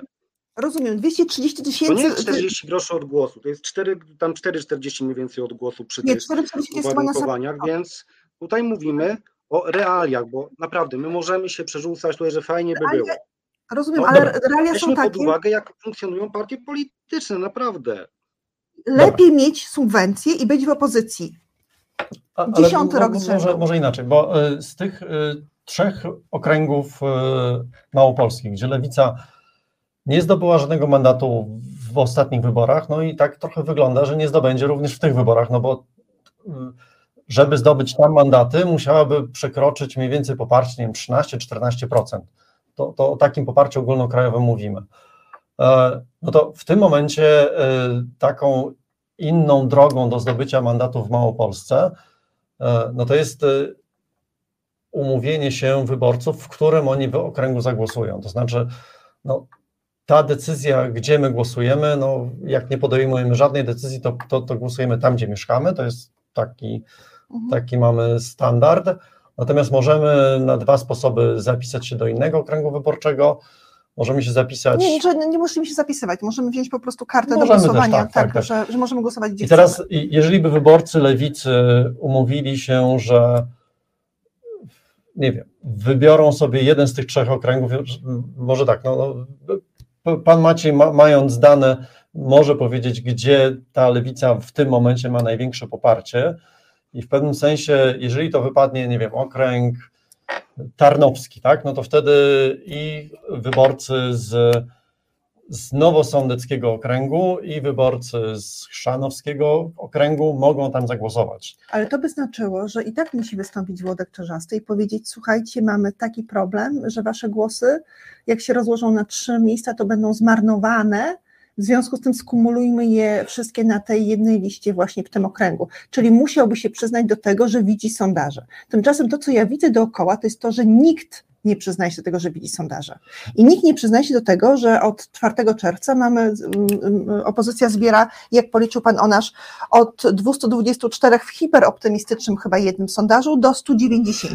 Dlatego ja przyznam, że, że ja w takim rozwiązaniu widzę większą rolę dla po prostu wyborców lewicy. Żeby oni żeby się zorganizowali trochę we, we własnym zakresie. Żeby wbrew ja, ja partii też, się zorganizowali. Ja myślę, że dla mnie to było też szokujące. Jak prześledziłem historię startów lewicy w tych okręgach, to mi wyszło coś takiego, że w okręgu tarnowskim e, lewica mandat zdobyła ostatni raz w 2001 roku. No i teraz mi wyszło coś takiego, że taki, te, mam takiego hipotetycznego pana Jana, wyborcę lewicy, który e, od 18, skończył 18 lat, no i były wybory w 2005 roku, zagłosował, lewica się nie dostała, potem głosował tam w 2007 i tak przez wszystkie lata. Dzisiaj ma 40 lat, głosuje na tę lewicę, bo takie ma przekonanie i on nigdy nie ma swojego reprezentanta w Sejmie. I teraz y, ja widzę rolę dla takich hipotetycznych panów Janów, mhm. którzy powiedzą, słuchajcie, skrzyknijmy się w ramach, my jako wyborcy, umówmy się na jakiś tam jeden region i to jest nasza największa możliwość zdobycia tego, tego Ale mandatu. Ja tak? po prostu nie rozumiem, dlaczego muszą to robić wyborcy, yy znaczy właśnie, bo, bo... W kontrze w stosunku, w kontrze wobec władz partii, które nie chcą przyznać, że w tych okręgach stracą, znaczy wszystkie osoby, które będą głosować w tych okręgach, y, te mandaty nie zostaną wzięte, bo poparcie ogólnopolskie mówi oraz poparcie historyczne w tych okręgach mówi, że wciąż to, to jest więcej, znaczy nie, nie, więcej niż, y, niż tam jedna siódma, jedna mhm. ósma, jedna dziewiąta w ogóle y, bo ja jeszcze podam, tych... No, to jest Małopolskie, to jest taki mini Dobra, ale teraz chciałabym, jeżeli Pan pozwoli, mhm. chciałabym, żeby Pan się ustosunkował do tych pozostałych elementów, o których mówił Pan Onasz, bo y, powinniśmy to zacząć wcześniej. Bardzo Was przepraszam, że ta rozbiegówka była zbyt długa i pewnie zbyt mo mocno osobista. Tutaj wskazuje na siebie. Mówi Pan o tym, że nie, mo nie można jakby przerzucić, y, przerzucić kandydatów jednej partii na do innej partii i zmusić wszystkich wyborców, żeby na nich zagłosowali. W ten sposób wydaje mi się, znaczy, przepraszam, to ja powinna, ja panu odpowiem, ale w ten sposób robi się koalicję. Wyborcy wszystkich zielonych zostali poproszeni, żeby przerzucili swoje głosy z zielonych na, e, na koalicję obywatelską, z której chodzą, wchodzą zieloni. Ja rozumiem, że tutaj nie robimy koalicji chaos e, lewicą, chociaż chciałabym, żeby była koalicja. To są sytuacje zupełnie inne. To jest sytuacja, gdzie funkcjonuje komitet lewicy i mówi się, no, wyborcy, idziecie gdzie indziej. Pani redaktor, nie. to tak nie zadziała, przestańmy zakłamywać rzeczywistość. My Możemy powiedzieć, tym... że się odliczy 100% wyborców nowej lewicy na liście Platformy, tylko miejmy pełną świadomość, że tak się nigdy nie stanie. Przestańmy ja tego nie też ja nie twierdzę tego, że każda z osób zaklaszcze z lewicy, która, która się dowie, że właśnie w jej, w jej okręgu nie będzie listy. i będzie miała tylko jedną kandydatkę czy jednego kandydata wybranego przez kogoś tam z góry za wszystkich i ten jeden kandydat jako niezależny kandydat będzie na, na e, listach platformy i wtedy w ogóle przy tym rozumowaniu mam oddać na niego głos. Nie twierdzę w ogóle, że wszyscy powiedzą, Jezu, jakie fajne rozwiązanie, to ja idę głosować, ale być może będzie ich wystarczająco dużo, żeby ta kandydatka dostała ten mandat, a potem zasiliła e, koło wyborcze, e, koło wyborcze lewicy. Bo jeżeli twarde dane pokazują nam, że nic z tego i tak tego mandatu nie będzie, to możemy tylko zmienić strategię. Ale znaczy, bo mi się wydaje, że. Przedstawiam bo... Pani twarde dane, które pokazują, dlaczego lewica tego nie zrobi. Bo im to nie, się nie, w ogólnym rozrachunku nie opłaca, choćby dlatego, że tracą status Komitetu Ogólnopolskiego. Po prostu to się na 99,9% nie wydarzy, mimo że mi też się to naprawdę mi, mi to podoba się. To jest fajna, fajna propozycja, którą pan Michał stworzył, ale schodzimy do realiów. W realiach polskiego rynku wyborczego ten myk nie będzie po prostu miał miejsca. Ale dobrze, bo, bo to nie jest tak, że ja uważam, że to jest w ogóle, że on będzie miał miejsce, a pan uważa, że nie. Ja tylko mówię o tym, jakie są jego mocne strony i jakie są słabe. I dopuszczam i jedną, i drugą. I ja rozumiem, że słabą jest to, że nie będzie między innymi Zandberga, Zandberga w, w debacie telewizyjnej. E, tak, tylko pani redaktor, Mogę... pani redaktor mówi mi później, że to jest tak samo jak składanie koalicji między Platformą a Zielonymi, Naprawdę, przestańmy nie, robić z nie, ja naszych mówię, widzów i słuchaczy. Ale chodzi o to, że. My... Żartować sobie z nich. To nie jest zupełnie to samo. Mówimy o partiach o zupełnie innej sytuacji, mówimy zupełnie tym, innym potencjale, o... też zupełnie inne relacje z potencjalnym koalicjantem. To nie są rzeczy, które można razem zestawiać. Przepraszam, ale się nie są w jednej kwestii. Pod tytułem jest możliwy transfer wyborców z jednej wspólnej listy, bo Zieloni mieli kiedyś swoją listę, do koalicji i to też pewnie nie był transfer jakby stuprocentowy, bo były takie osoby, które stwierdziły, nie, nie, nie, w ogóle y, z PO to ja nie będę na jednej liście, ale to jest możliwe. Ja, ja nie mówię o stworzeniu koalicji, tylko o tym, od czego, no, o czym no pan Michał. Bo jest pani porównań, które są nieuzasadnione, bo naprawdę nie róbmy z naszych słuchaczy i widzów idiotów, bo no nie mówmy niczego, co nie jest prawdą. Tego typu zagranie powoduje, że tracimy głosy, część głosów tych lewicowych i nie wiemy, co się z nimi stanie. One mogą pójść na Hołownię, ale mogą też pójść na przykład na PiS, stary elektorat lewicowy związany ze sprawami socjalnymi. Część wyborców. Platformy również może się wściec, że na przykład ktoś, kto jest proaborcjonistą albo za związkami partnerskimi znajduje się na liście i odchodzi od tej listy. Przestańmy ostatnie, ostatnie... rzeczywistość do czegoś, co jest fałszem tutaj Ostatnie nie słowo, jest to coś, co daje jednoznacznie wyniki pozytywne. Nie daje jednoznacznie. Daje szansę, ale również jest ryzyko straty, a ponadto są argumenty, dla których partia nie może sobie na to pozwolić. No. Czyli pan by nie rekomendował tego rozwiązania, tak? Znaczy, Niezależnie od tego. Ja, to nie, nie ja podejmuję decyzję i partia polityczna, nie, nie, która podjęłaby czy rekomendowałby pan to rozwiązanie? się nieracjonalnie. Czyli nie rekomendowałby. Bo to równie dobrze możemy się zastanawiać, że Platforma przeniosła swoich, swojego jednego kandydata Przepraszam, mamy listę PSL-u w tym okręgu. Nie, nie, to, nie to, nie jest to samo. To nie, to, to nie, jest to, to nie jest ta sama sytuacja. Mamy 19.1, ja powinnam wpuszczać już kolejną, e, powinnam wpuszczać Blankę Dżugę i chciałabym tylko, żeby ostatnie słowo no, należało do Dru, naszego. Drugi pomysł jest fajniejszy, Panie, z tymi transferami, z przejazdami, bo to jest do zrobienia, tylko na to mam... czas nie Tak, znaczy, to, to wydaje mi się, że właśnie... Y, Spotkamy się jeszcze raz. Spotkamy się jeszcze raz i wtedy będziemy mówić o geografii wyborczej i y, na innych danych, na danych na przykład za dwa czy trzy tygodnie, kiedy będą jasne listy i wtedy poproszę Pana raz jeszcze o ich przeliczenie, mimo tego, że wiem, że Pan zrobił to już na to spotkanie. Ostatnie słowo należące do Pana. E, tak, się, znaczy, ja właśnie chciałem zwrócić uwagę, że e, to ta możliwość zagłosowania w innym okręgu jest naprawdę dużą szansą dla, dla e, wyborców opozycji. Ta szansa jest największa w okręgu, między okręgiem warszawskim a okręgiem siedleckim. Okręg tak. siedlecki zaczyna się w Sulejówku. Mhm. Ja dam tylko taki jeden przykład. Wyborcy z zagranicy, którzy są doliczani do okręgu warszawskiego, E, de facto ich głosy e, w pewnym sensie są niestety marnowane. I żeby te głosy tych wyborców zagranicznych zadziałały, w pewnym sensie ekwiwalentna liczba osób z Warszawy powinna pojechać do Sulejówka. I na szczęście w tym się wszyscy zgadzamy, prawda? I dlatego, dlatego pan o nasz e, zrobił... Do Sulejówka to już jest kwestia bardziej skomplikowana, bo pytanie, ile tych wyborców możemy przetransferować? Ale obiecuję Państwu, spotkamy się jeszcze raz, wtedy dokładnie w tej samej sprawie. E, mhm. Będziemy już e, debatować na temat tego, czy warto, e, znaczy, czy warto natknąć lewicę pomysł nad tym, żeby wystawiała swoich kandydatów. No to, to, to, to się wydarzy, tak? Gdyby to już będzie no tak, na zamkniętym temacie 6 Bo września. jeżeli to się nie wydarzy do 6 września, to, to się nie wydarzy. E, Moimi gośćmi był dr Maciej Onasz z Uniwersytetu Łódzkiego oraz e, pan Michał Majewski z Uniwersytetu ekonomista i analityk. E, A ja nie dam im wystarczająco dużo czasu, żeby mogli debatować na temat tego pomysłu, bo zajęłam się Giertychem. Nie zajmujmy się Giertychem. Ostatnią rzeczą, którą poproszę e, Ma- Martina, to jest pokazanie jednego obrazka, który będzie, który jest, e, obrazka, który Ci Marcin wysłałam, który jest zapowiedzią kolejnego odcinka, w którym spotkamy się, uwaga, z facetem, który się nazywa Doniesienia z Skandynawskiej Polski. Pamiętacie tego gościa? Ma 50 tysięcy obserwujących na Facebooku i od paru lat w bardzo krytycznie, ale dowcipny i bardzo zwięzły sposób mówi o wszystkich mikroskopijnych nawet aferkach. Tak, chodzi o, tą, o, ten, mm, o ten obrazek. Mogę go poprosić? Jeszcze raz? Tak. Adam Sokołowski wydaje książkę. Go nie widział, ale go zobaczymy. E, Książka nazywa się Reżim, będzie, już teraz można zamawiać, będzie do kupienia za trzy tygodnie. Spotkamy się z Adamem i omówimy wszystkie te drobniuteńkie aferki PiS. A Będziemy e, pchać temat tak? Mogę mogę na Pana liczyć, panie, panie doktorze, również za dwa, trzy tygodnie? No zobaczymy, bo to ciężko teraz Nie tak daleko kalendarz tworzyć.